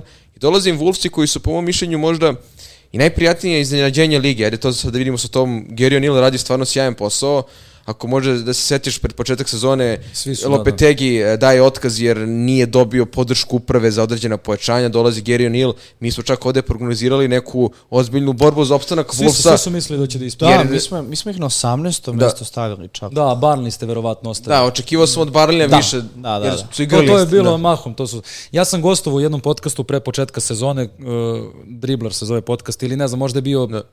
možda je bilo prvo, drugo kolo, nije ni bitno. Sam start ili pre početka. Gde sam rekao da me ove, uh, da me, da me ove sezone Premier Liga uh, ne, ne podsjeća ni na jednu prethodnu od kad ja pratim. Zašto? Zato što od 20 timova, ti, tačno ja sam tada izdiktirao, nisam sad kao ultra ne znam šta, ali verovatno kada bi neko malo dublje razmislio, isto bi to rekao. Ali ti sada tačno možeš da podvučeš crtu na pola i da znaš, to si mogao i pre početka sezone, i da znaš ko će biti u gornjoj, ko u donjoj polovini. Ne naravno po redu, ne ko će biti prvi, drugi, treći, četvrti, nego da znaš uh, gornju polovinu kako će izgledati i donju.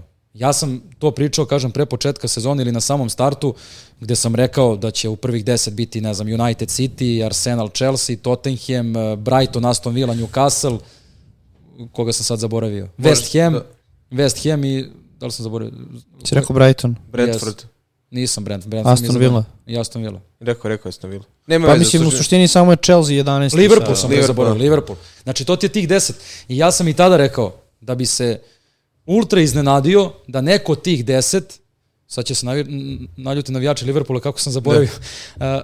d- ultra bih se iznenadio ako neko od tih deset završi u donjoj polovini tabele ili naravno ako od ovih drugih da. završi u gornjoj. Uh, od Wolverhamptona nisam očekivao ovako dobre rezultate, iskreno da budem. Nisam ih ni video u čempionšipu, ali ih nisam, nisam očekivao ovako. Gary O'Neill je stvarno ozbiljan majstor, trener. Šta je uradio sa Bormutom? On je prošle sezone sa Bormutom e, došao je, klub je bio na, klub je dugo bio među prvim favoritima da, da Pa, ispadne. bukvalno onako iz drugog plana došao, uh, oni poraz od Liverpoola na Anfieldu tipa 7-0, 8-0, koliko Da, je već da, da. bilo, Scott Parker dobija otkaz i on kao njegov pomoćnik preuzima Tako kao je, neko tako privremeno rešenje, odlično se pokazao i pazi ovo, on dobija otkaz Da, da, da da. bi doveli Iraolu, ruku na srce Iro- Irola je isto napravio dobar... Ali ono- kakav je bio na početku sezone? I meni je, Da. a Irola je isto bio uh, pred otkazom. Da, i onda je I Borbut meni je vezao... baš drago što je dobio vreme. Ja stalno pričam, treneru samo treba dati vreme. To ono iz Raja Valjakana, našeg omiljenog kluba iz Madrida, ali da se vratimo u utakmici, ja ovde vidim golove, dakle i Wolves i Newcastle, pre svega i zbog potentnosti napada Ko je domaćin? uh, Newcastle je domaćin. Newcastle, Tako da. da. očekujem svakako verovatno Anthony Gordona, uh, u, to kažemo među strelacima. Dobra vest za Newcastle da se skoro većina tima oporavila od povrede, dakle ostaje Wilson van stroja, ostaje Jelinton van stroja, Nick Pope, od nekih, da kažemo, bitnih igrača i to nali koji je pod suspenzijom. Znaš, ne možemo da kažemo da je povređen. Dakle, Isak je sad igrao protiv Arsenala, trebalo bi da, da on starte kao napadač, a Gordon konačno na krilu. I ne bi me čudilo da stvarno uh, vidimo i Neta i Hvanga uh, među strelcima. Zašto to kažem? Oni su u prošlom kolu igrali sa Sheffieldom, ali Sheffield nije ekipa koja će da te pritiska, niti će da ostavi prostora Pedro Neto ili Hvangu da trče. Taj niski blok koji oni postave nije dobar za tip futbolera kao što je Pedro Neto koji će da iskoristi otvoren prostor. Videli ste kakav je gol postigao Gomes protiv e, Tottenhama, gde je Pedro Neto sam istrčao skoro ceo teren, ali Tottenham dozvolio, Tottenham tako igra i postavlja odbranu. Ja ovde stvarno mogu da vidim neke pojene Neta i Hvanga. Zašto to govorim? Jer pred prošlo kolo bila ozbiljna, kažemo, fama oko Hvanga i Neta, da li mogu da odnesu Da. dosta pojena Da, pred to znam. utakmicu sa Sheffieldom, ali sa druge strane defanzivci, ja na primjer imam malog Ait Nurija u timu, jer sam uvidio da je poprilično ofanzivan bek, on nije imao nijedan ofanzivni uč- učinak do sada, ali u posljednje vreme uhvati konstantnu igranja, što je meni jako bitno za nekog beka koji je bio sklon rotaciji, a iz Newcastle, osim Gordona, još uvijek bih sačekao Isaka, ne bih svakako preporučivo ljudima, jer ne znam kada će da se uhvati za preponu ili nek, neki drugi deo tela, a odbrana Newcastle prosto apostrofirali smo već da ako već toliko primaju golove i Trippier i ostatak tima nisu vredni pažnje trenutno dok se makar ili ne sredi odbrana ili dođe neki bolji raspored. To je to. Sve. kad kažem ti, kad uhvati zalet, nestaje. Ne, fantazije to. hoćemo A dalje? šta je zanimljivo? Izvini, Reci. isto za Wolverhampton. Igraju tako dobro koliko, ja se čujem, da? Da, da, da. Koliko su oni dugo bili bez neta. Da, i oni su imali problem sa netom i u toku sezone, bili su bez Hvanga dok je bio Tako je. na azijskom kupu. Svaka čast Gary O'Neillu, stvarno Ima jako, meni, vrhunski meni je zanimljiva cela njihova ekipa. Pablo Sarabio je ozbiljan igrač, Mario Lemina igra Da, da, verovatno sezonu Sezonu karijere, života, znaš, to da. su... I Nunješ je na kraju, Mateoš otišao iz Wolvesa, znaš, da je on ostao, ko zna, da li bi možda mogli se bore za Evropu, Mari, to je dalje isključeno. Osmo mesto je sasvim, Da, je ostao. da. Idemo dalje. Utakmica, uh, ovo je isto subota, ako se ne Da, varam. ima mnogo utakmica. Sedam Da, sve, subota. sve je subota. Nottingham Forest dočekuje Liverpool. E sad, najveće pitanje za ovu utakmicu, rekao bih, je e, nesigurnost oko starta. Ko je zdrav, tako, da. Odnosno, da, ko je zdrav. Starta Salaha i e, Darwina. S druge strane, makar iz nekog našeg ugla fantazija, uvek se taj Nottingham Forest završi sa pričom o Elangi. Eto, ajde, on nije dosta dugo bio povređen, pričali smo često o Vudu. I taj Gibbs White, Gibbs White koji je u suštini kolu. Da. tvoj igrač, ne znam Da. iz kog razloga gotivi ga da ga uvek spomene, ali nekako bi se ovo pitanje za utakmicu možda zapravo preusmerilo samo na Liverpool, Salaha i zapravo očekivanje u narednom periodu, jer naredne utakmice Liverpoola su Nottingham Forest i onda konačno ta utakmica sa Cityjem kod kuće, pa Everton, Brighton i Sheffield. I praznog 29. kolo, tako da računaj da Pardon, da, igrati, to je definitivno sada, tako da ne igraju protiv, pa ne igraju derbi da. sa Evertonom u stvari.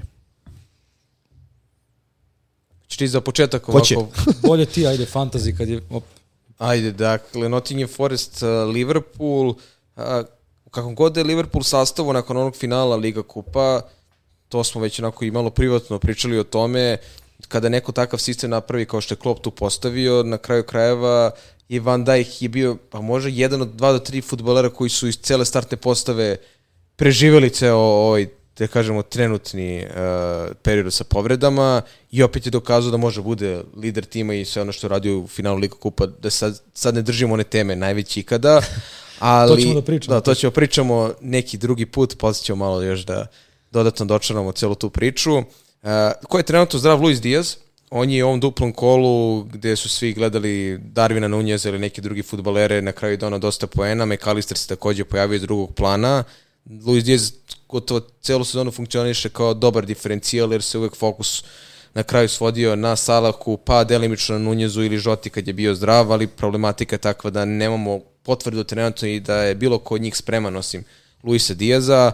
Gakpa ne bih ubacivao u celu tu priču jer on vodi kao igrač sredine terena, a nije mi on dovoljno pouzdan pored toliko futbolera koji su na sredini iz drugih timova da se prosto aktiviraju za fantaziji. Ako gledamo neku jeftinu opci- opciju za odbranu, mali Bradley, pošto nema Aleksandar Arnolda, je zaista fino zamenio da je Liverpool ima dva odlična desna beka, makar iz ofanzivnog tog nekog ugla, da on može bude jeftina opcija za fantasy, ali zašto bismo sad dovodili nekog iz Liverpoola ako znamo da ima prazno 29. kolo, tu bih zaista priču nekako zatvorio na Diazu, ako neko želi da ga ima, ili da se preskoči Liverpool dok ne dobijemo potvrdu da su Salah i Nunez zdravi. Ipak eh, Liverpool gostuje na City Groundu, nije to nimalo eh, lako gostovanje, kakav god je Nottingham Forest, i to je nešto najbitnije za fantasy. Da li, bih, da li bi ti nešto dodao možda Fića? pa oko fantazije nemam šta. Da, ali ovako, A za City Ground apsolutno se slažem. Ni malo lako gostovanje, ali mislim da će Liverpool uspeti proći. da... Pa da, proći, da će proći dobro Da. da. to mislim. Mislim da neće imati neke, neke velike probleme. Mora, da. posle, posle, City, posle Foresta sledi City, Da. Liverpool. Pa da. Mislim da ne, da ne bi smeli da se, da se okliznu sada. Pa, u suštini razlika uh, Jedan bod. bodovno Bod. je, da, jedan bod. Tako Bod, da, da. da, Mislim, nije da ne bi smeli, naravno. Može sve da se, da se vrati, ali Evo, ajde sad kad smo ovde da završimo priču oko 29. kola. Ne znam da li ovo može se zoomira relje, ne može, a?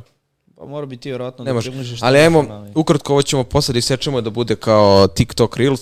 U 29. kolu biće odigrane samo četiri utakmice koje su planirane. Dakle, imat ćemo veliko prazno kolo. Luton, Nottingham Forest je jedan od njih. West Ham, Aston Villa, Fulham, Tottenham, Burnley, Brentford. To je osam timova koji će imati utakmicu u 29. kolu. Svi ostali timovi neće imati utakmicu jer će biti četvrt finale uh, FA kupa. Eto, ljudi, imate dovoljno vremena da razmislite gaće. da, da li je za free hit, da li može se pregura kolo, ali jedna onako situacija gde je onaj malo pesimističniji scenario nastupio. Ja sam se nadao da će Leeds da izbaci Chelsea na krilima lošeg opet ću finala. reći spasio sam se što ne igram Da. više. Ali nema veze, doći ćemo do 29. kola, ću ponovo da ispišem neke svoje analize, da nastavimo dalje za 27. Sledeći meč. Uh, hoćemo odmah da idemo dalje. Da. Mm, Inače, jel znaš koju utakmicu komentarišeš u ovom kolu? Ne, Ne znaš još? ne, ne znam još uvijek. Dobro. Ovo ti je i priprema malo da, Da, da.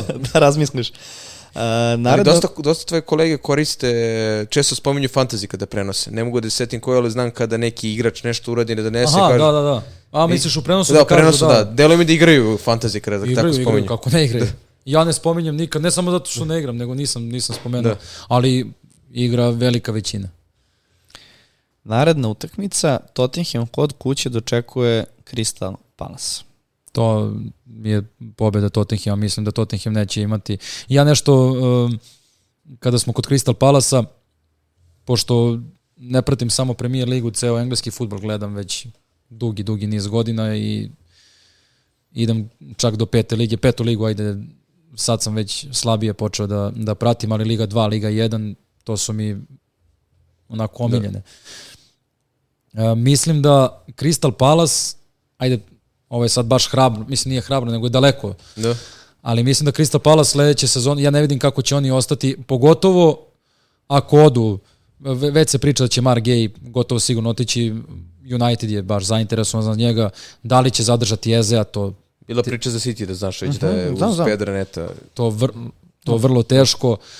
Ako odu Eze, ako ode Eze, ako ode Olis, o, ako da, i Olis, Olis. i ako ode Mark Gay, Da, da, ajde, on- teško će prodati svu, sve, sve te igrače. Ali, evo, dvojica od te trojice da odu, ako ne, ako ne dovedu prava, prava pojačanja, prave zamene, To je ono što Pa- sam ja spominjao na prethodnim podcastima. Pravio sam paralelu Crystal Palasa sa nekim prethodnim sezonama Southamptona, pa nekada Sunderlanda. Nekako mi je svih ovih timova koji su imali tu stabilnost igranja u Premier Ligi postao, ne mogu da kažem dosadan, ali su se toliko godina provlačili, nisu imali konkretne uspehe, nisu delovali ambiciozno da barem nešto pokušaju da urade, već su delovali jasno. srećnim da su prosto svojim čašćavanjem uh, igranjem u Premier Ligi su oni zadovoljni. Čak su i navijači digli bunu, ali svi, sve to na kraju dođe na naplatu. Do duše, sada su promenili trenera, došao je Oliver Glazer, neko malo mlađi, neko novije Da. ime. Odmah je uneo neke promene i u sistemu i u igri.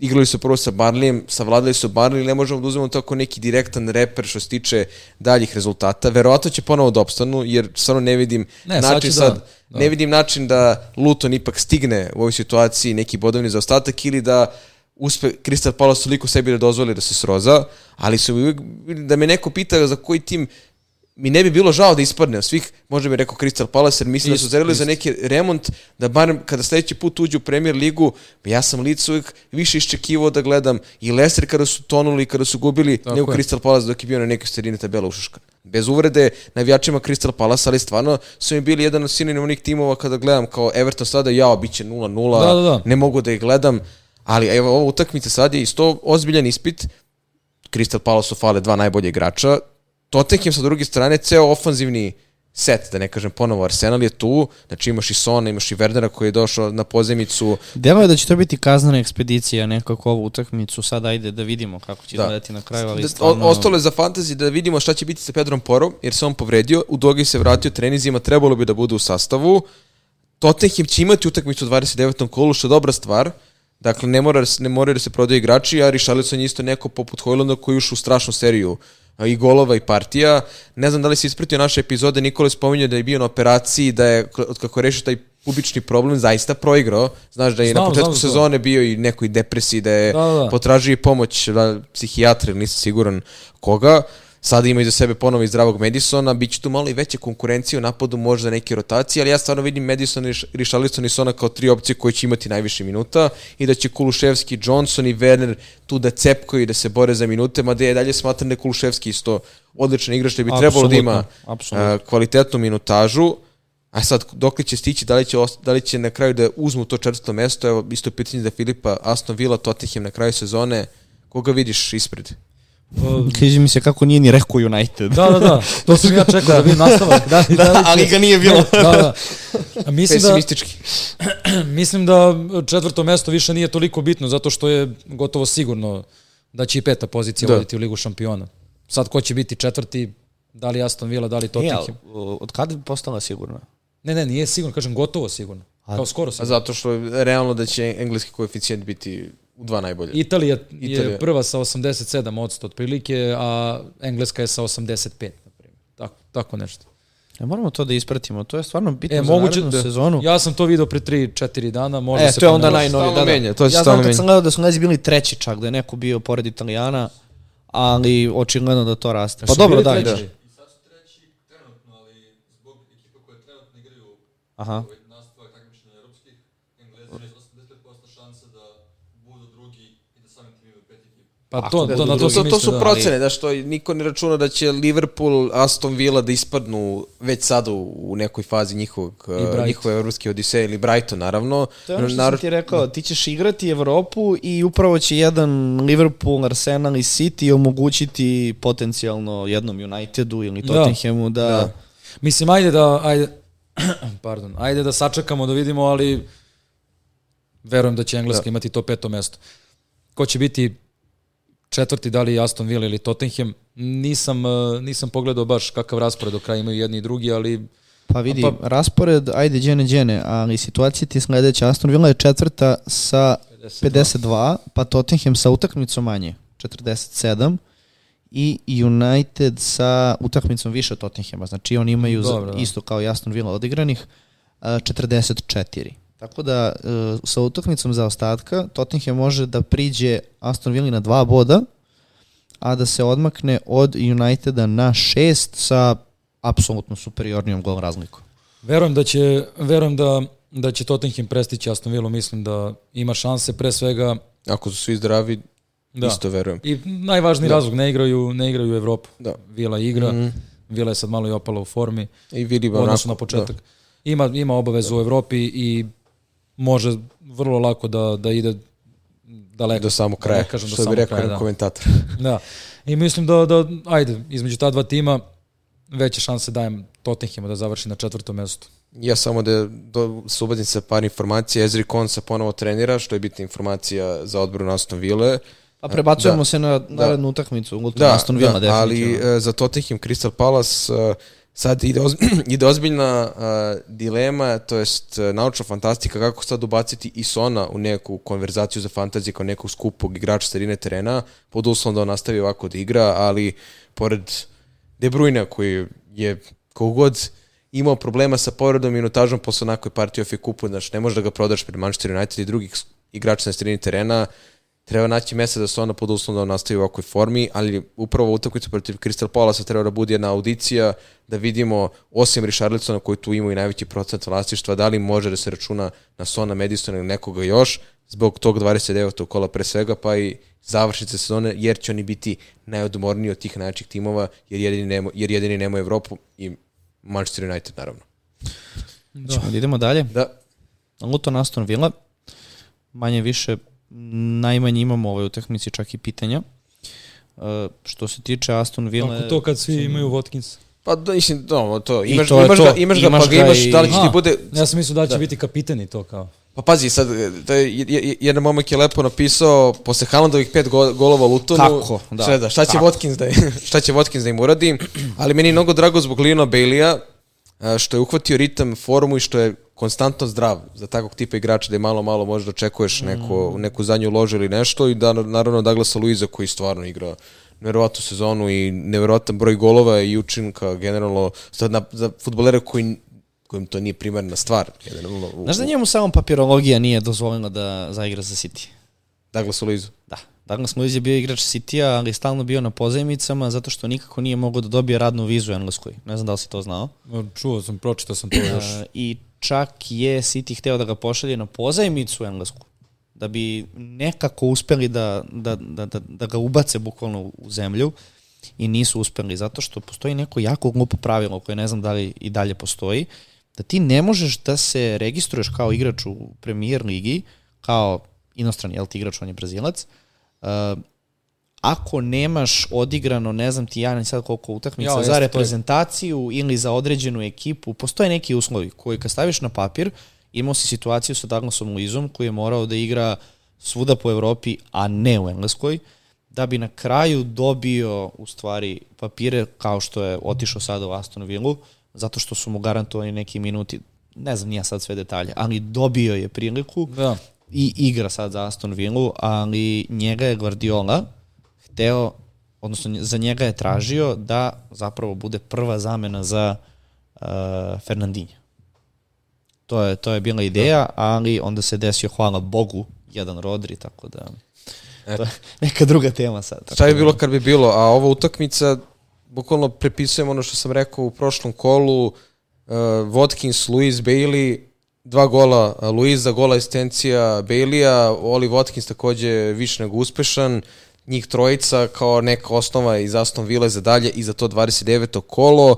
Luton ima duplo 28. kolo, ima dve dobre utakmice, ali problem je povreda Elijah Debaja, što može da znači da jedan Carlton Morris ponovo može da upadne u prvi plan, seti se njega i onog duplo kola na početku sezone, ili 10 dvocifrenog. poena, Da, dvocifren da. broj poena, ali da je utakmice ja mislim da će ovde Aston Villa isto izaći na kraj sa Lutonom, ali da će Luton dati gol kao što sam pretpostavio i za e, utakmicu u FA kupu, tako da očekujem pobedu Aston Villa naravno učinak ako ne Oli Watkinsa, onda Leona Bailey, ali sigurno nekog od ove tri futbolera. A pitaću te prognozu rezultata, odnosno ne rezultata, nego ishoda utakmice, ali mislim, Ba ne, mislim da će Vila da pobedi.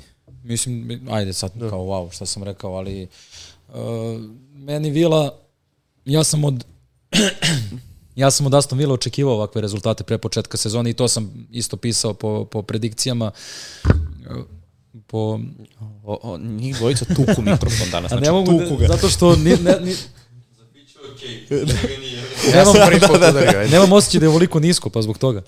Um, po tim tako, takozvanim predikcijama što su bile po društvenim mrežama, pisao sam da, da će Aston Villa biti jedno od najprijatnijih iznenađenja i da će da ima velike šanse da nadmaši rezultate od prošle sezone, zato što e, kako je Vila, kakav je prelazni rok odradila, mislim, ajde, sad se vraćam mnogo nazad, sad je već kraj sezone, ali ajde.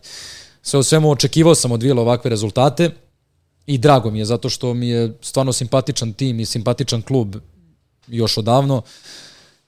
Tako da uvek kada Vila igra protiv nekog iz donjeg, iz donjeg dela tabela, rekao sam ko je donji deo tabele, mislim svi znate, i sad tabela to pokazuje, uvek, uvek mi je Vila favorit. Gde god da igra, protiv koga god da igra. Tako da i sad mislim da jeste Kenilworth Road nezgodan, eh, jeste Luton stvarno igra onako sa 300% srcem, bore se sva, Najviše su pokazali od ova tri tima koji su došla. to, Da. da. Dobro, To sam isto, to, to isto zanimljivo ako ćemo da pričamo o opstanku. E, ja nešto mislim, o tome sam krenuo da pričam malo pre kada sam spomenuo da pratim engleski futbal, ne samo premier ligu, nego i niže lige već dugi, dugi niz godina. E, očekujem da ako, list, ako Leicester, Leeds i Southampton uđu, odnosno ako se vrate u premier ligu, očekujem da će minimum dva od ta tri kluba e, da ostanu. da, To je, ja, ja, ja mogu ruku da dam, evo, već unapred, da će Leicester da ostane, jer smatram da je njihova, njihova prošla sezona bila jedna anomalija, da oni nisu imali čak ni loš sastav po imenima, da ne pričam ko je sve igrao. ali- Znaš šta je, znaš šta je tu? možda najkvalitetnija ekipa u posljednje vreme da. koja je ispala iz. Znaš što je tu isto dosta, dosta važno, bar po mom mišljenju, ja sam neko ko mnogo veruje trenerima. A, ti kad uporediš trenere koji su sada, a, odnosno kad uporediš trenera Lica, Southamptona i Lestera u odnosu na one koji su uveli a, Burnley, Luton i Sheffield, mnogo su kvalitetni ovi što su sada u Championshipu. Paul Heckingbottom je uveo Sheffield United, on je dobar trener, sve to stoji, ali ne može Sheffield da uđe u sezonu da proda NDI-a koji je bio apsolutno najbolji igrač, ne, ne samo u Sheffieldu, možda je bio jedan od, jedan od najboljih u celoj ligi. On, on im ode iz tima, ode im uh, Sander Berge i to ode od Dir- direktnog rivala. za opstanak, Tako da, je. Bukvalno. Hjakim Bottom je na klupi, nije, očekivalo se da on ne može to da iznese, dobio je otkaz. Sa druge strane imaš Vensana kompanije koji je bio dominantan sa Burnleyem u Championshipu, ali opet on je Vensan kompanij, nema on sad neko iskustvo. Druga stvar, Burnley kao tim uh, nije bio uopšte toliko jak. On je stvarno igrao fantastično u, u Championshipu, neočekivano dobro, toliko dobro. Ali opet Premier Liga je nešto sasvim drugo, a, a kompani nema toliko iskustva. E, jako je teško da tako neiskusni treneri, koji ja verujem da će kompani biti odličan, ali jako je teško da ti iz iz lige gde si, gde si bio toliko dominantan, gde si sve vreme igrao na polovini protivnika, imao loptu u proseku, ne znam, preko 60-70%, da onda dolaziš u Premier ligu gde potpuno moraš da menjaš logistiku i gde, gde moraš najviše da se baziraš na defanzivi, kako ćeš da oduzmeš loptu pa da kreneš u kontru i tako dalje. On to nije igra u Burnley u, u Championshipu. I očekivalo se isto da, da će se baš mučiti. Ja nisam očekivao da će se ovoliko mučiti, ali sam ga Sviđa vidio mi se negde. kako smo prešli samo Da. na sledeću Sledeća utakmicu koja je Barnley Bournemouth. Barnley Bournemouth, baš Hoćemo samo da nastavimo sa ovim. Luton, eto da završim i za Luton. Rob Edwards, dobar trener, sad je pokazao da je dobar, ali opet, a ti sa druge strane imaš Daniela Farkija, odnosno sad Leeds, Southampton. Daniel Farkije u licu, čovjek koji je dva puta uvodio Norwich, ok, nije se nešto pokazivao. Imaš Russella Martina u Southamptonu, on, eh, za njega se priča da je najveća nada engleskog, on nije englez, ali na ostrvu kao naj, na, na, najperspektivniji trener, izvini. Ali on, on, on ti, na primjer, čovek koji Guardiola mu je ne bog, Šta te kreće za Leicester, Enzo Maresca, Enzo Maresca, Guardiolin, bivši kolega. Uh, Russell Martin ti je čovek koji u proseku ima loptu, ja ne znam sad proverenu informaciju, lupam, odokativno ću reći, gledajući Southampton i englesku, englesku Russell Martin ima ono 70% ti pogledaj na svakoj utakmici, čak i, čak i kada izgubi, on ima 70% loptu. Su. Tako je bio i u Swansea. Jeste, ali kako će on to da implementira u E, Premier to, Ligi? to će biti zanimljivo. Ali znaš šta, šta ja mislim? E, Southampton i Leeds i Leicester e, nisu, nisu toliko loši timovi. Oni kad se vrate, za, sad da zamislimo da Crystal Palace ostane bez ove trojice ili bez dvojice od trojice. Ti kad uporediš, Leeds ima individualni kvalitet, ima Somervilla, ima Njonta, to su dobri igrači, oni su igrali, Njonta je bio u Premier ligi. Vamo u Southamptonu isto imaš dobre futbolere. Imaju dobru školu. Generalno Tako je. oni su i opstajali. I imaju da- dobre trenere. Da, da. Imaju dobre trenere, sasvim ono, eto, Enzo Maresca, spomenuo si njega, Martin. Ja, eto, to je dobra paralela, paralela uh, za temu koju smo na početku pričali o Guardiolinom futbolu. Ja, na primjer, ne volim da gledam uh, futbol Rasela Martina. Nisam volao ni u, South, ni u Swansea, ni u Southamptonu, jer to je baš samo posed, posed, samo pasovi, pasovi, znači to je, ali donosi rezultat i treba samo, samo skinuti. Kao... Neko i to voli. Naravno. Ali evo, na primjer, utakmica uh, Barnley Bournemouth, imamo i Andonija i Raolu, već smo sad malo i prošli temu uh, Vensana kompanija i uh, Barnleya. Bournemouth je ove sezone prošao, dakle, put sa nekog dna i potencijalnog otkaza Andonija Raoli do toga da su isto jedno onako od prijatnih iznenađenja lige, da su zaista imali neke, imali su odlične partije, sad ću opet malo o statistici da davim, ali ovde je jako bitno, Bournemouth ima odlične ofanzivne partije gde je statistički zaista nadigravao protivnike, čak i oni koji su imali bolje timove od njih. Problematika iz ugla fantazije je ta potencijalna povreda Solanke, mora da sačekamo To je možda najveće Raole, pitanje da. za Nije to utakmicu. samo iz ugla fantazije, to i njima... Je da, a, dobio je neki udarac na utakmici protiv Manchester City, ja nisam gledao tu utakmicu, ako ste vi možda videli da li je delovalo nešto bezazlano ili ne. A to ne mogu da, mislim, iskreno ne mogu da procenim. Na, najveći problem je to što uh, Bournemouth ima duplo 28. kolo, ima dve utakmice u narodnom kolu i to ima uh, Sheffield i Luton, Luton, Luton i naj- Sheffield. Najlepši mogući raspored. Da, najlepše moguće raspored, ako ne bude Solanke, pada ceo plan u vodu. Uh, ako gledamo Bournemouth uh, na te neke dugoročne staze, Bournemouth ima sjajan raspored u narednih šest utakmica. Dakle, možda bukvalno da izvadiš da pogledaš, oni to ako već naređuju par dobrih rezultata, oni već uvoliko ne moraju da razmišljaju nekom uh, opstanku ili bilo kakvoj borbi što se toga tiče, ali ova utakmica ako ne bude Solankija, eventualno da se juri neki diferencijal u semenju, ja imam na primjer uh, neta na golu, pre svega zbog rasporeda i zbog cene i zbog toga što uh, mislim da može da donese neke poene, ako Lloyd Kelly ne bude spreman, Miloš Kerkez može da bude opcija za beka jer je delovalo poprilično ofanzivno i ovo društvance, Tavernije, a, Sinistera, Kluivert, jako zanimljivi futbaleri na sredini terena sa dosta rotacije u smislu njihove minutaže. Ko može bude dobar za duplo kolo, to je sada Lutrija. Ako imamo Solankija, nek budu Solanke i Neto ili Senesi. Problem Senesi je što ima 8 žutih kartona. Da. Ako dobije 10, uh, to su dva meča suspenzije. Jako nezgodno i sve zavisi zapravo od Solanke. Ako Solanke nije spreman, pitanje je koliko vremena juriti Bormutovi igrači. Mm. Kako se čovjek pripremi za fantaziju, ovo je neviđen. On se ne priprema. On ovo ima svaku epizodu u glavi. Znači, samo, u stvari, pa da, samo se ne- update-uje. Ovo ne možeš, ovo moraš da imaš u glavi, jer da se priprema morao bi da pročita, a ja vidim da ne čita, Bre, ovo je sve vreme, pratim- svaka čast. E, imamo, imamo onaj teleprompter. Da, da, da. I onda napiše sve napred i kao redom. Svaka čast, svaka čast. Hvala. Mislim, četiri godine od kako, postoji stranice kako se bavim ovim, stvarno, ono, Premier Ligu, ja nisam propustio nijednu utakmicu, da ako ne gledam na TV-u, da ne pročitam posle statistiku, analizu, Da, neke da, da. komentare, malo zvuči onako kao da je, ono, psihofanatično. Ako vam zatreba neko, ali podcast ne sme trpi. Da, da, naravno. E, Ali, hoćemo... veruj mi, posle nekog vremena mi uđe u naviku, znaš, ovako kad neko sluša sa strane kao ovo, ne predstavlja mi neki problem sada kad sam se navikao da tako pripremim sve i samo... Ne pa znam, mislim, kažem ti ja generalno tako, ne samo Premier ligu, engleski futbal obožavam.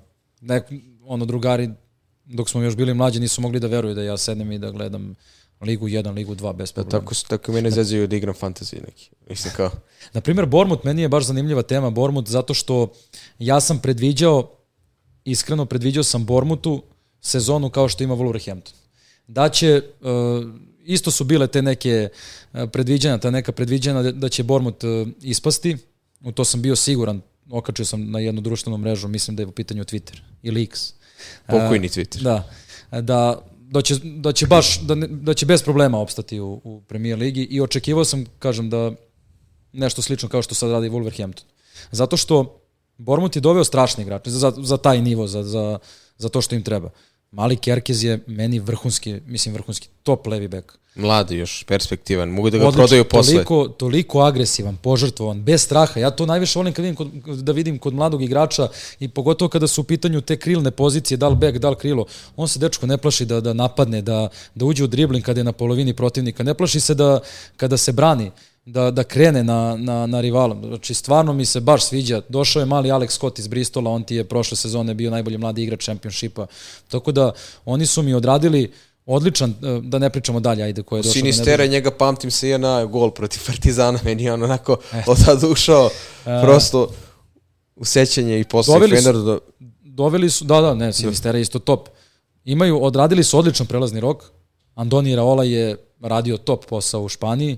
Naravno, trebalo mu je vremena da se, da se privikne. Ne može sve preko noći, naravno, nova nema. liga, ali... Tek ćemo pričamo, opet, tek ćemo pričati, tek ćemo pričati o tome, o, o, o vremenu koje svaki trener treba da dobije. Ali stvarno sam očekivao da, da, da Bormut neće imati problema za, za, za opstanak i vidim da ih... I ovdje da isto, ja očekujem, i ako Solanke ne bude igrao, mislim da Bormut izlazi na kraj sa Barnleyem. Bez obzira što su ovo Barnley u six pointeri koji polako izmiču. Jedini je problem što stvarno ko, će, u stvari ne, ne ko će, ne može niko da zameni Solanke i taj broj njegovih golova. Ne može. Semenjo je dobar, ali ne- nema tu, nema tu Nije to devetke. to, da. da, da, nema. To će biti problem. Biti zanimljivo će te biti Da. utakmica baš. To se na Turf Muru igra, gde se igra? E, da, na turfu. Uh, domaćin. Barnley je domaći, Da, tako to je. će biti. Ja bih da mi uh, najavimo pretposlednju utakmicu Sheffield Arsenal. To je posljednja Da utakmica. bi, pa, Da. da. za nas Poslednja, pretposlednja da. da. bi ostavili derbi za kraj. Prosto sam malo vode ovde. Nema veze, ne, vidi- ne vidi se ga. I slobodno malo podigni mikrofon ako ti smeta, znači... Nema, nema. Da ga to ne biješ. A meni žao mikrofona, vrati se da ga ti. Čekaj.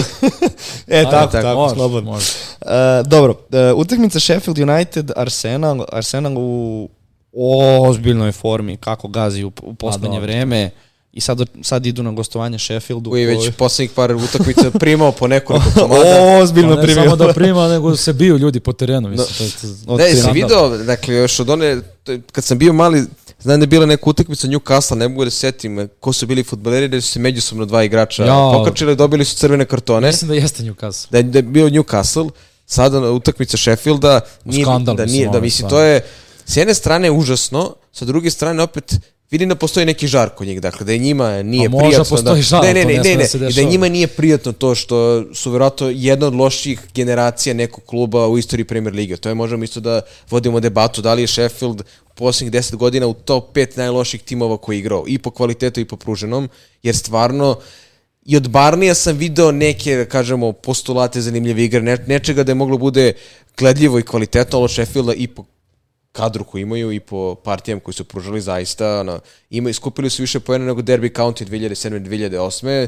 To, to će jako teško da se obori taj negativan rekord, ali ovo što je Sheffield zaista ove sezone pružio je kao da su ono, ušli da budu učesnici i da se vrate nazad u championship. Svakako ova utakmica, ja ovde očekujem Ma ide samo pobedu. u jednom smeru, ne, ja mislim, Ne, nema tu. Ide u jednom smeru i očekujem ozbi, golove naravno i ubedljivu pobedu Arsenala. Saka je uhvatio konačno formu i ritam koji je nama bitan za fantaziji, jer je uvek završavao između 5 i 8 poena, na posljednje tri utakmice 5 golova, ja sam doveo Odegarda pred prošlo kolo, nije uradio ništa, ali očekujemo na, na, na ovoj utakmici da ubeleži neku asistenciju ili postigne gol, odbrana Arsenala. Arsenal ima najbolji prekid u ligi, nevjerovatno. Gabrielu nije bio priznat onaj gol jer je na kraju bio autogol Botmana, ali čovječ oni na svakoj utakmici stvore Opasni, da, dve, da, da. tri izgledne šanse za Galibu i e, Galibo. Galiba. On je, na, po, počeo je to sad svaku, svaku epizodu da radi, da. Salibu i Gabriela, zašto njih dvojicu spominjemo, oni su na fantaziju, jako su, Tandem. dobro, ozbiljan tandem i jako su popularni na fantaziju i zbog toga što Arsenal ima najbolju odbranu u ligi i statistički i generalno kada pogledamo, jako malo dozvoljavaju udaraca ka njihovom okviru gola, njih dvojica u svaku kao neka osnova na fantaziju i sad je pitanje ko je treći futbaler, Odegaard, Trossard koji igra odlično, Martinelli koji čak i najmanje donosio poene u ovim goleadama, Rajs je u posljednje vreme bio odličan, dakle i asistencije i golovi i mora da pohvalim, jer ga njega stalno kritikujem u Haverca, koji iskoristio ovaj period, a period viš već nekoliko puta Žezusa nije bilo i postizao je golove, bio je poprilično konkretan. Na kraju se ispostavilo da je Arsenal ove utakmice rešio i igrao bolje bez te klasične devetke, ali meni se dalje čini da kada zagusti, kad bude falio onaj gol, da može da se osjeti nedostatak devetki ili protiv nekog Liverpoola Manchester Kakvi City. flashbackovi kao da slušam komentarisanje City u onoj sezoni bez... Bez Haalanda. Kad je Jesus Pa, bio napadač. Od prilike, da. odnosno kada su svi mogući bili napadači, a napadača nije bilo u suštini. Ali, da, mislim, vidjet ćemo. Sterling, Ferran Torres, uh, između ostalog je Jesus. Pa svi su živi probali. I Foden je jedno vreme igrao lažnu devetku i ko je tu još bio? Došao je...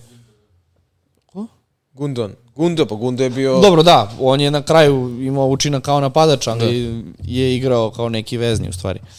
A, tako da, pa dobro, vidjet ćemo da li će to Arsenalu značiti, ali da li, da li vam djeluje da ovo period u kome Arsenal zbog svog možda najlakšeg rasporeda u odnosu na Liverpool i City može doći do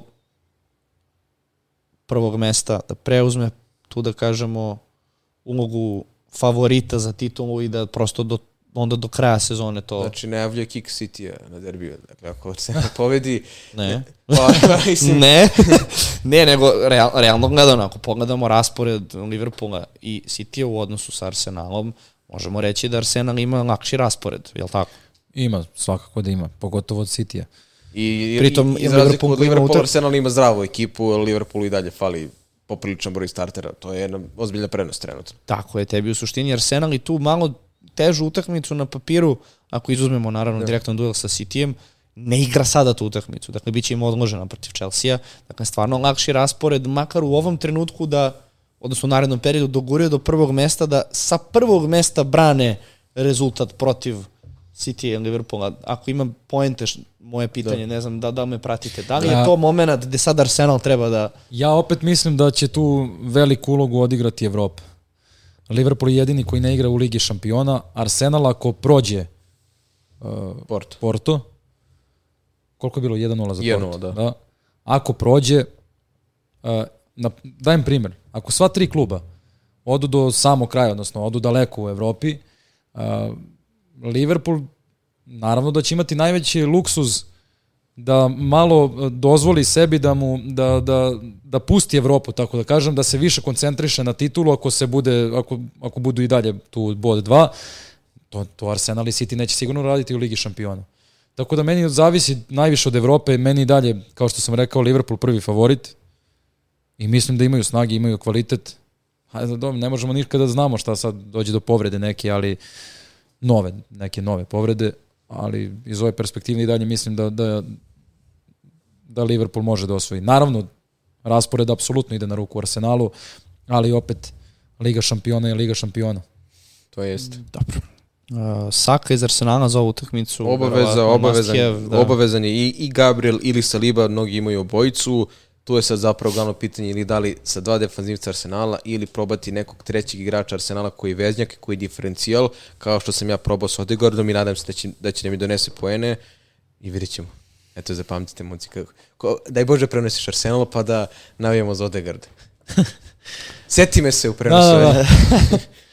E pa, momci, poslednja utakmica koju najavljamo, kao da je neko birao koju ćemo utakmicu da najavimo i analiziramo. I, i kakav, ono, navijači oba kluba isto sede. Pa, to, to, još baš ovako nekako slučajno sam u sredini između da. vas dvojice. Uh, radi se o derbiju, manchesterskom derbiju. Manchester City dočekuje kod kuće uh, Manchester United ili što bi volio čuka da kaže Manchester City dočekuje Manchester United. Ne znam da li si upoznat sa tim. Ne, ne. Volio sam da različim A kod Manchester City iz nekog razloga. To- onda mi, To prirodno počeli- radi. Ne znam. Na Ako. Manchester United ne. Ne, iz nekog razloga, ne znam zašto. Samo kaže Manchester City, ali dobro. Uh, imamo City koji je u stvarno da kažemo u nekom najboljem svom periodu izuzeo rezultata protiv Chelsea koji je bio, ako pričamo o ovom nekom zimskom polu prolećnom, jel te, delu sezone, uh, dolaze sa utakmice protiv Lutona, gde iako su dali šest, odnosno Haaland postigao pet, pet golova, ja bih opet rekao, primili su dva gola protiv Lutona, kao jedna onako ipak doza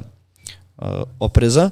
Sa druge strane imamo Manchester United koji znamo šta se desilo protiv Fulama, pričali smo već o tome da je Hojlund povređen, gde je sada pitanje ko će uopšte njega da zameni na poziciji špica, odnosno napadača, a evo, znači koliko se završilo na kraju, 1-0, jel? Da. Dakle, izlaze sa rezultatom, jeste, 1-0 protiv Nottingham Foresta, je na kraju jedini da. postigao pogodak i to u 89. 89. minutu. A, šta očekujemo od ove utakmice? Ko je favorit?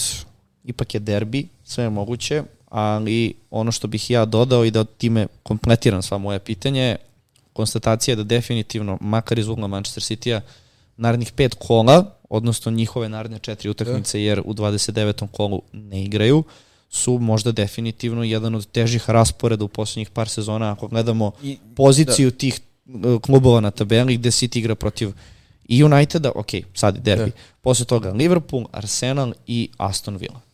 Dakle, da li je to presudni moment i krenite. Puštam. Ajde, ko će prvi? ćeš ti prvi ili ja? Ti. Pa ajde. Ko je favorit? Jeste da je derbi, sve se slažem, ali mora da bude favorit Manchester City i mislim čak da je veliki favorit.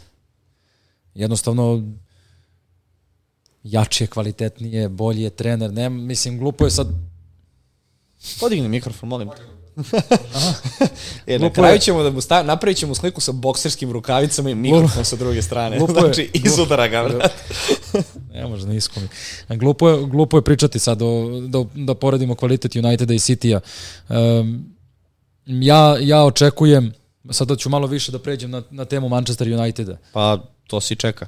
Ali ja, ja očekujem uh, sledeće sezone, stvarno to nikada nisam uh, tako razmišljao i, i prošle sezone sam pričao sa drugarima, sa kolegama i tako dalje da da United eh, neće imati bolju sezonu od prošle, šta više da će imati lošiju, što se evo i desilo, ali od, slede, od sledeće očekujem da vidim neki napredak. Zašto? Zato što United do, do, do sada uopšte nije imao sportski sektor. Ljudi koji misle da je najveći problem, neki me pogrešno razumeju kada ja kažem da sam za Ten Haga. Nisam ja isključivo za Ten Haga. Ja sam za to da svaki trener dobije vreme. To je ono što smo pričali. Znači, ti ako, dovedeš, ako dovodiš trenera, ako si ozbiljan klub, a United je ozbiljan klub, ti si sigurno imao neku analitiku, pratio si ga i tako dalje. Doveo si ga zato što veruješ i zato što je čovek imao rezultate. Ne možeš da očekuješ od trenera koji dolazi u takvo rasulo da, da napravi neke, neke šampionske rezultate u prvoj sezoni i samo na osnovu, odnosno ako to ne uradi odmah da ga teraš. To je nemoguće.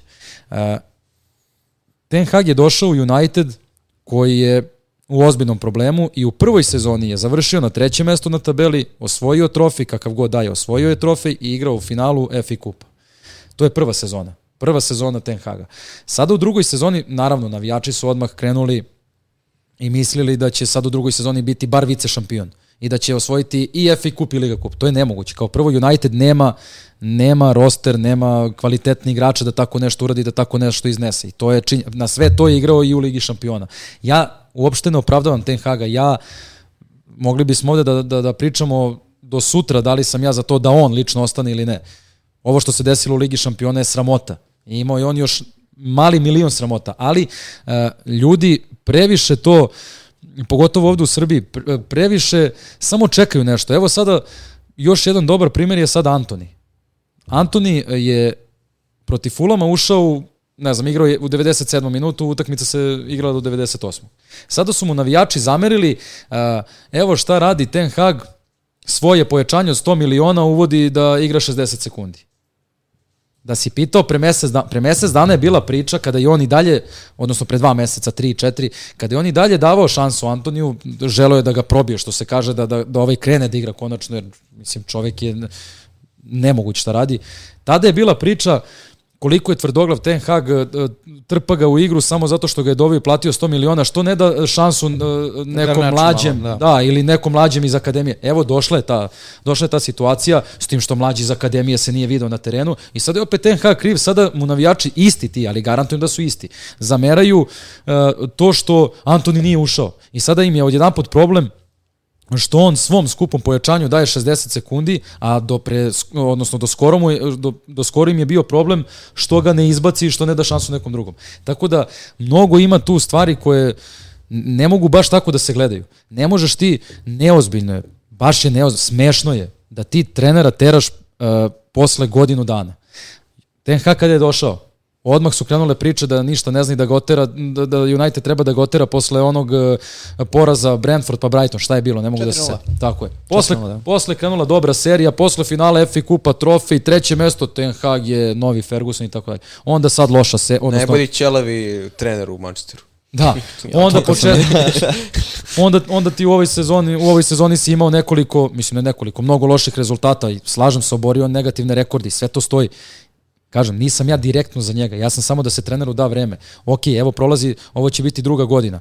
Ja sam za, moje mišljenje je da svaki trener na ozbiljnom nivou, u ozbiljnom klubu treba da dobije dve do tri godine i onda da podvučeš crtu. Pazi, nekad je to bilo malo. Ferguson, znamo, evo, pričali smo, dotakli smo se kakve on probleme imao. Nije ni on u početku osvojio sve što je osvojio. Mora, mora to da se United do skoro nije, on nije imao ništa misleći na, mislim na sportski sektor. Sada je došao uh, uh, Sir Jim Radcliffe, napravio ozbiljne poteze po mom mišljenju, došao je, uzeo je čoveka City u Omara. Omer, uh, Omer Brad. Da, on će biti, da. pitaće se za sve, bit će tehnički direktor ili kako se to već kaže, izvršni direktor, šta god, u Unitedu.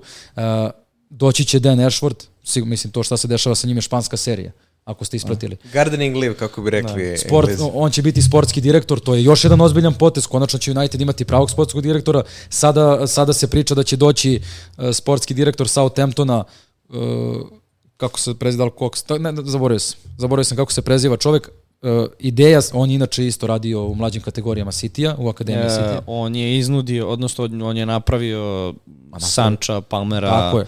E, on, da ne nabrajam. Ideja sa njim je da on bude desna ruka uh, Denu Ashfordu. Ti odmah vidiš plan. Ozbiljan, tako plan. je, plan, napredak neki. To, to do sad nisi imao. Ja kažem, ako, ako Sir Jim Radcliffe izađe sa idejom da dovede trenera koji je mislim, United ne može da dovede lošeg trenera, ali sad se najviše priča kao o Zidanu. Nemam ništa protiv, ali treba, treba i tom Zidanu, šta, mislim, Zidan može da ne osvoji ništa dve godine, opet će da krene teranje. I ako uđeš u to, Ti stalno ideš u krug. Ljudi takođe ne shvataju. Ne, mislim, ne mogu da verujem da, da ljudi misle da je najveći problem uh, u treneru. Pa, pa ajde da pogledamo koga je United imao posle Fergusona. Ti si imao... Koje imena imena imao? Ti, svaki profil si imao. Ja ne znam koji profil još nedostaje. Imao si čoveka koji ima pa, neverovatno iskustvo. Profil Klopa i Guardiola u suštini. Pa dobro, ajde Guardiola ne mogu da računam, Guardiola ne može da ti dođe. Ali gledaj sad, imao si čoveka koji je imao nenormalno iskustvo u Premier ligi. To nekad ljudi, to je nekad ljudima najvažnija stvar. To je David Moyes, ništa nije uradio. Ajmo, menjaš ga odmah. Došao, došao, došao ti je Mourinho kao veliko ime, kao čovek koji je pa. osvajao sve i svašta. Imao si Luja Van Hala koji je takođe veliko ime, koji, koji je možda i najveći autoritet tu, ono, zna da se postavi, ti, vidi se da je autoritet, ne znam, isto veliko ime. Mourinho, rekao sam, ime, trofej, sve znamo svi ko je Mourinho. Imao si, imao si... Ole, legenda kluba. Sad sam teo kažem, legendu kluba koji nema iskustva. Znači imao si i to. O, I njega si oterao. Imao si profesora Malte, ne, ako tako mogu da kažem za Ragnika. Mislim, nebitno. Sada imaš, sada si jedini, ja mislim, profil koji je nedostajao, ne računajući ajde Guardiolu, je Erik Ten Hag koji je napravio ozbiljan rezultat u malo slabijoj ligi, Ma dobro, ajde ne malo, slabijoj ligi, ne Dobro, ono što je on uradio u Ligi šampiona ipak mu daje neki kredibilitet ne, ne, naravno, zajedno sa naravno, osvajao, slabijom ligom. Tako je. Osvajao je, osvajao je uh, da. Koincidencija, da, Ajax. Nosi Ajax. Da, da. Osvajao je titule i tako dalje. Imao je, ti vidiš uh, Ajax kad je igrao, video si kako je igrao. Znači, ti si njega doveo, dao si mu šansu i ono što je najbitnije, ti njega teraš posle jedne sezone, kakve te, posle prve sezone, ali kakve? Treće mesto, trofej, FI, finale FI kupa. To nije mala stvar. To nije mala stvar za, kada, kada, dobiješ, kada dobiješ posao u klubu kao što je United u tom, u tom trenutku. I ja sam samo e, na to mislio da, da treneru, ne samo njemu, svakom treneru treba dati vremena. Ja, na primjer, nisam, e, ne mogu da kažem da ne cenim, daleko od toga, ali e, Poketina, odnosno kako bi trebalo pravilno da bude Početino, ali ajde Poketino, navikli smo svi. Nje, on mi nikad nisam bio nešto sad oduševljen. Ne smatram ga da je top, top trener i sećam se da je na početku, na, pre početka prošle sezone bilo pitanje da li će Poketino ili Ten Hag. Ja sam to bio za, za ovog, za Ten Haga. Čak i bilo neko glasanje, pošto sam ja, ne znam, član tih nekih da ne pričam sad, glasao sam za... Navijačke zadruge. Da, glasao sam, glasao sam za Ten Haga, je, ali je, zašto sam ovo rekao? Ne mislimo Poketinu sad nešto wow, vidimo šta mu se dešava u Chelsea, nisam za to da dobije otkaz posle ove sezone. Jer nije realno da ti trener u takvim uh, klubovima, odnosno nisu to mali klubovi daleko od toga, ali u takvim trenutno situacijama, trenutnim situacijama da ti donesu momentalno neki veliki uspeh. A uh, svi ti klubovi, kad kažeš uspeh, očekuju titulu, ne znam, uh, ili možda poziciju vice šampiona, ligu šampiona, nešto tako. Za to je potreban proces. Pogotovo pro, protiv ovakvog Citya. Mislim, da se razumemo. I zato mislim da, da su ljudi previše previše su onako... Dobro, generalno rekao bih tu da se e, navijači, generalno svaka priča o Unitedu je uvek hiper u odnosu na bilo koji drugi klub i da su očekivanja mnogo, da kažemo, Naravno. nerealnije, odnosno stvarno, stvarno nerealno u odnosu na ono što, je, što se dešava na terenu. Ja bih tu dodao neki moj komentar možda da znam pouzdano da se Ten Hag vodio kao jedno od e, pa da kažemo, jedan od favorita koji bi mogao da zameni Guardiolu u Cityu nakon, da kažemo, tog momenta da Guardiola ovaj, napusti Englesku. Pričam iz ugla zato što je Omer Breda jedan od uticajnijih ljudi u tom trenutku bio u Cityu Absolut. i apsolutno su znali ko bi možda mogao da zameni zapravo Guardiolu. To su dakle bili Ten Hag, to je bio Nagel, Nagelsmann i to je koga se još vodio, i Pochettino. E, i sad to ispada... su tri, tri imena koja su se tada vodila i cenila u tim krugovima. Ja, ja o tome pričam, sada, sada ispada kao da je Ten Hag, Mislim, glupo je mi uopšte da komentarišemo znanje bilo kog futbolskog trenera, jer da znamo bolje, bili bismo tamo. Ne, ali ti dozvoljavaš sebi da vrhunskog, na takvom nivou, tako vrhunskog trenera, pričaš da on ne zna ništa, da je on slepac. Sigurno je da i on vidi da ekipa igra loše na terenu. Ne pričam opet kažem, ne pričam samo o Ten Hagu. I on vidi da je ekipa loše igra na terenu. Niko, niko ne gleda kakvu on situaciju, kakve su okolnosti, koliko povređenih, šta se desilo Unitedu moram još jednom da ponovim, ne podržavam Ten Haga za mnogo stvari. Ono sa Deheom, ja ne mogu da verujem da je Dehea oteran da je došao Nana. I ja znači, to neću uopšte da komentarišem. Ne mogu da komentarišem Antonija. Ja njega kad vidim nije mi dobro 10 dana. Znači to dečko treba da ode što on, on treba da United treba da plati da on ode. To je to to je nestvarno šta šta čovek radi. Ali hoću da kažem e, niko ne gleda te okolnosti. United je u jednom trenutku imao tri leva beka Ja ne znam da li i jedan tim, mislim da Bayern ima tri leva beka. Prošli put, gde, gde je Malasija, gde je? E, u jednom trenutku ti imaš tri leva beka u prvom timu. Evo, recite mi, ne Bayern, da li Chelsea, recite mi tri kluba na svetu, o, ajde, verovatno da ima, ali sad ne možeš da se setiš, ko ima tri leva beka u prvom timu? Znači, došao si do toga da ti imaš to što sam sada rekao, ali u ne znam koli, u kom periodu ni jedan ti nije na raspolaganju. Svi su povređeni ili šta im se dešava. Onda i Regilon kad je došao nije igrao u početku. Sada, naravno, užasan potez što je on vraćan, pa je otišao dalje i tako dalje i tako dalje. Sad mora Amra, Amrabat da se I Lindelef, što je, što je stvarno da. katastrofa, ali uh, rekao sam i na početku, svi su imali ozbiljne probleme sa povredama, tako ima i United i uh, ne kažem da to treba da bude alibi, ali mora je tako da se sagleda. Mislim da, evo, sad vi me ispravite, pošto ipak mnogo detaljnije pratite United, ali iz ugla komšije, da to tako da, da nazovemo.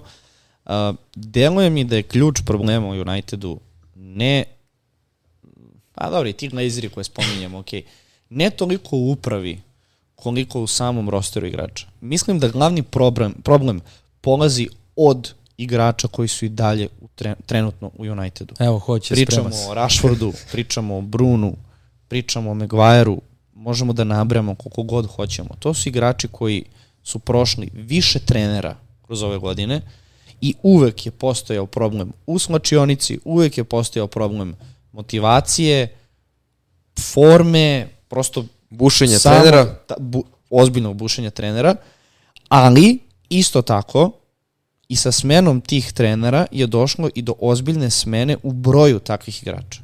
Mislim da Ten Hag, koliko god je mali period, koliko je on sada već, da kažemo, Unitedu, kažeš treba mu dati vremena. Slažem ne, ne, se ali svakog. ovo je već na granici. E, Dve do tri godine je moje mišljenje. Neko ne... Pogledaj koliko je već igrača došlo u United ili na zahtev Ten Haga ili zato što je sama uprava sa Ten Hagom odlučila da dovede. Od golmana do napadača. Evo, ti možeš... ja, mor, ja moram da ti odgovorim, pa ćeš ti, ne. pošto sam video.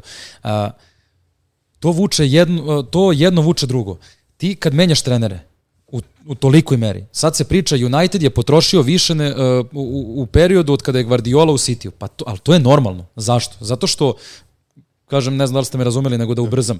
U periodu od kada je Guardiola preuzeo City, City je potrošio manje nego Manchester United. To sad svi pišu, ne znam ali da li... To, to su, na tolike cifre nije toliko velika naravno, razlika. Ali, ali da. to, je, to je normalno. Zašto? Ti si preuzeo sad ovaj tim i ti si ga, ostao si dve godine. Ti si ga napravio. Dola, ti, ti si dobio otkaz jer ništa nisi, kao ništa nisi, mislim, ajde, ništa nisi uradio. Dolazim ja, koji imam potpuno drugo viđenje u odnosu na tebe. Moram i ja sad da potrošim te pare, jer ja moram da oteram tvoje igrače da dovedem svoje. I tako ti se gomila potroša novac i zbog toga United troši toliko. Jer šta, šta, ćeš sad, ide šta ćeš sad, evo dođe, na primer, ne znam, ajde lupam, uh, pokit, ne znam, Zidan dođe. Antoni je u timu. Da, on je plaćen 100 miliona. Da, da zamislimo da je igrao malo bolje nego što igra. Zidanu se on ne sviđa. Zidan će da ga proda i sad će da dovede svoje krilo, dovešće, na primer, neta za 80 miliona.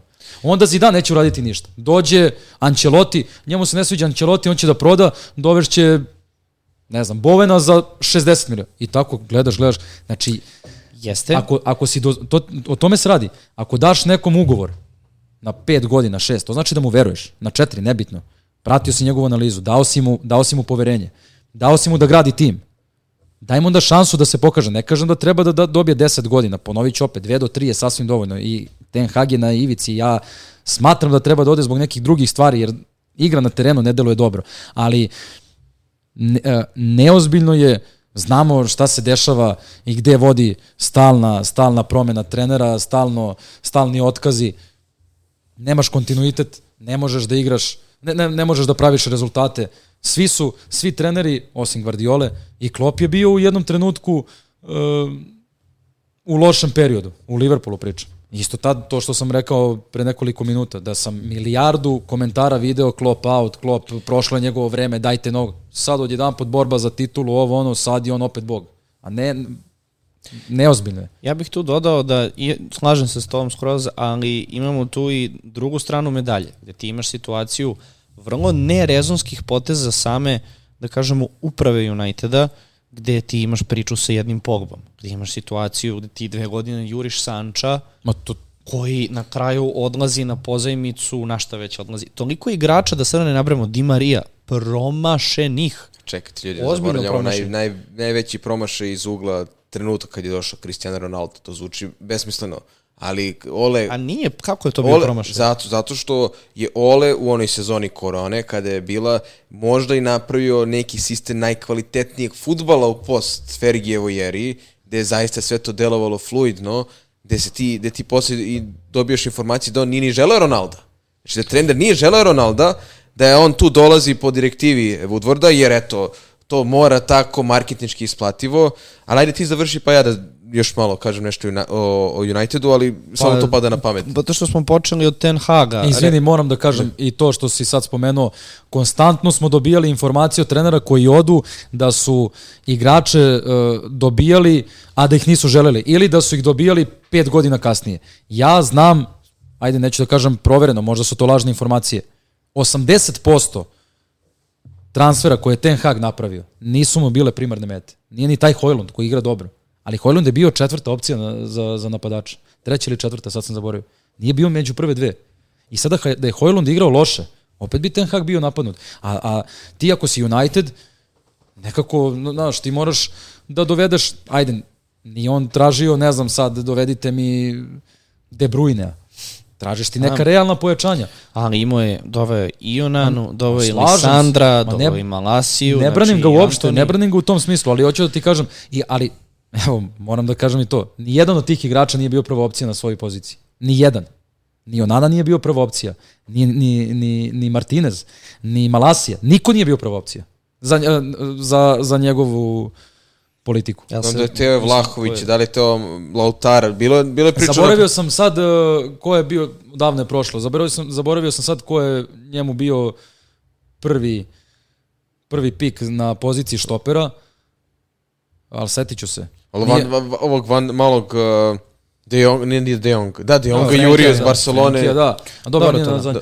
Ali, ni jedna, mislim, uh, ne ni jedna. Rekao sam, 80% igrača koje je on dobio, ne kažem da ih nije tražio, daleko od toga, ali uh, oni su bili onako, da li druga, da li treća, da li četvrta, toga uopšte ne vadi. Ako ti je neko, ako si ti dobio drugu opciju, to moraš da prihvatiš, nema tu priče. Niko ti neće done, do- dovesti prvu opciju koju god ti kažeš. Ali opet mora, mora klub bar da se potrudi da dovede ne znam, pet od 10 ili od 15 uh, futbalera prvih koje ti tražiš. A ne sad ti tražiš ovog, ovog i ovog i oni ti dovedu tog poslednjeg. Daj malo se potrudi. E to nije postojao sportski sektor. Ne, ne, ne. E, to, to, to je baš lepo rekao. Ja bih tu skratio priču uživao sam dok ste slušao Filipe i saglasan sam e, za sve i mi smo ovdje u podcastu spominjali Ten Haga, ja ga jesam kritikovao, ali sam stalno govorio, ok, šta sad, ti ga smeniš i ide sve iz početka.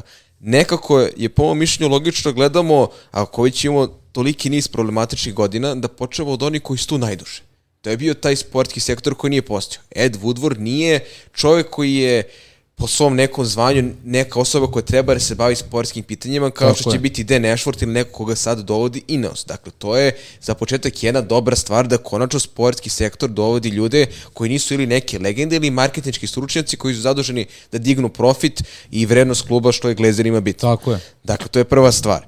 Druga stvar, transfer politika kluba je nešto što je bušilo i trenere i celokupne timove Uniteda, počevši što je meni uvijek delovalo da United posljednjih i deseta godina od kako nema Fergija, često dovodio igrače koji će da se isplate prodajom dresova, koji su tu onako zbog imena, kojima je prošao Zenit, od Ronalda, Ibre, pa preko Sage oko Pogbe, pa onda treneri koji su bili izbušeni i od strane Woodwarda i na kraju i od strane futbalera. Ja sam rekao da Ten Hag treba da ostane i da se isto tako očisti škart od futbalera koji su može neka ozbiljna imena, ali koji su preživali i Ole Gunara, koji su i Ragnika preživali u smislu da su oni na Da. kraju bili ti koji su njima uručili šut pedalu, to jest šut nogu.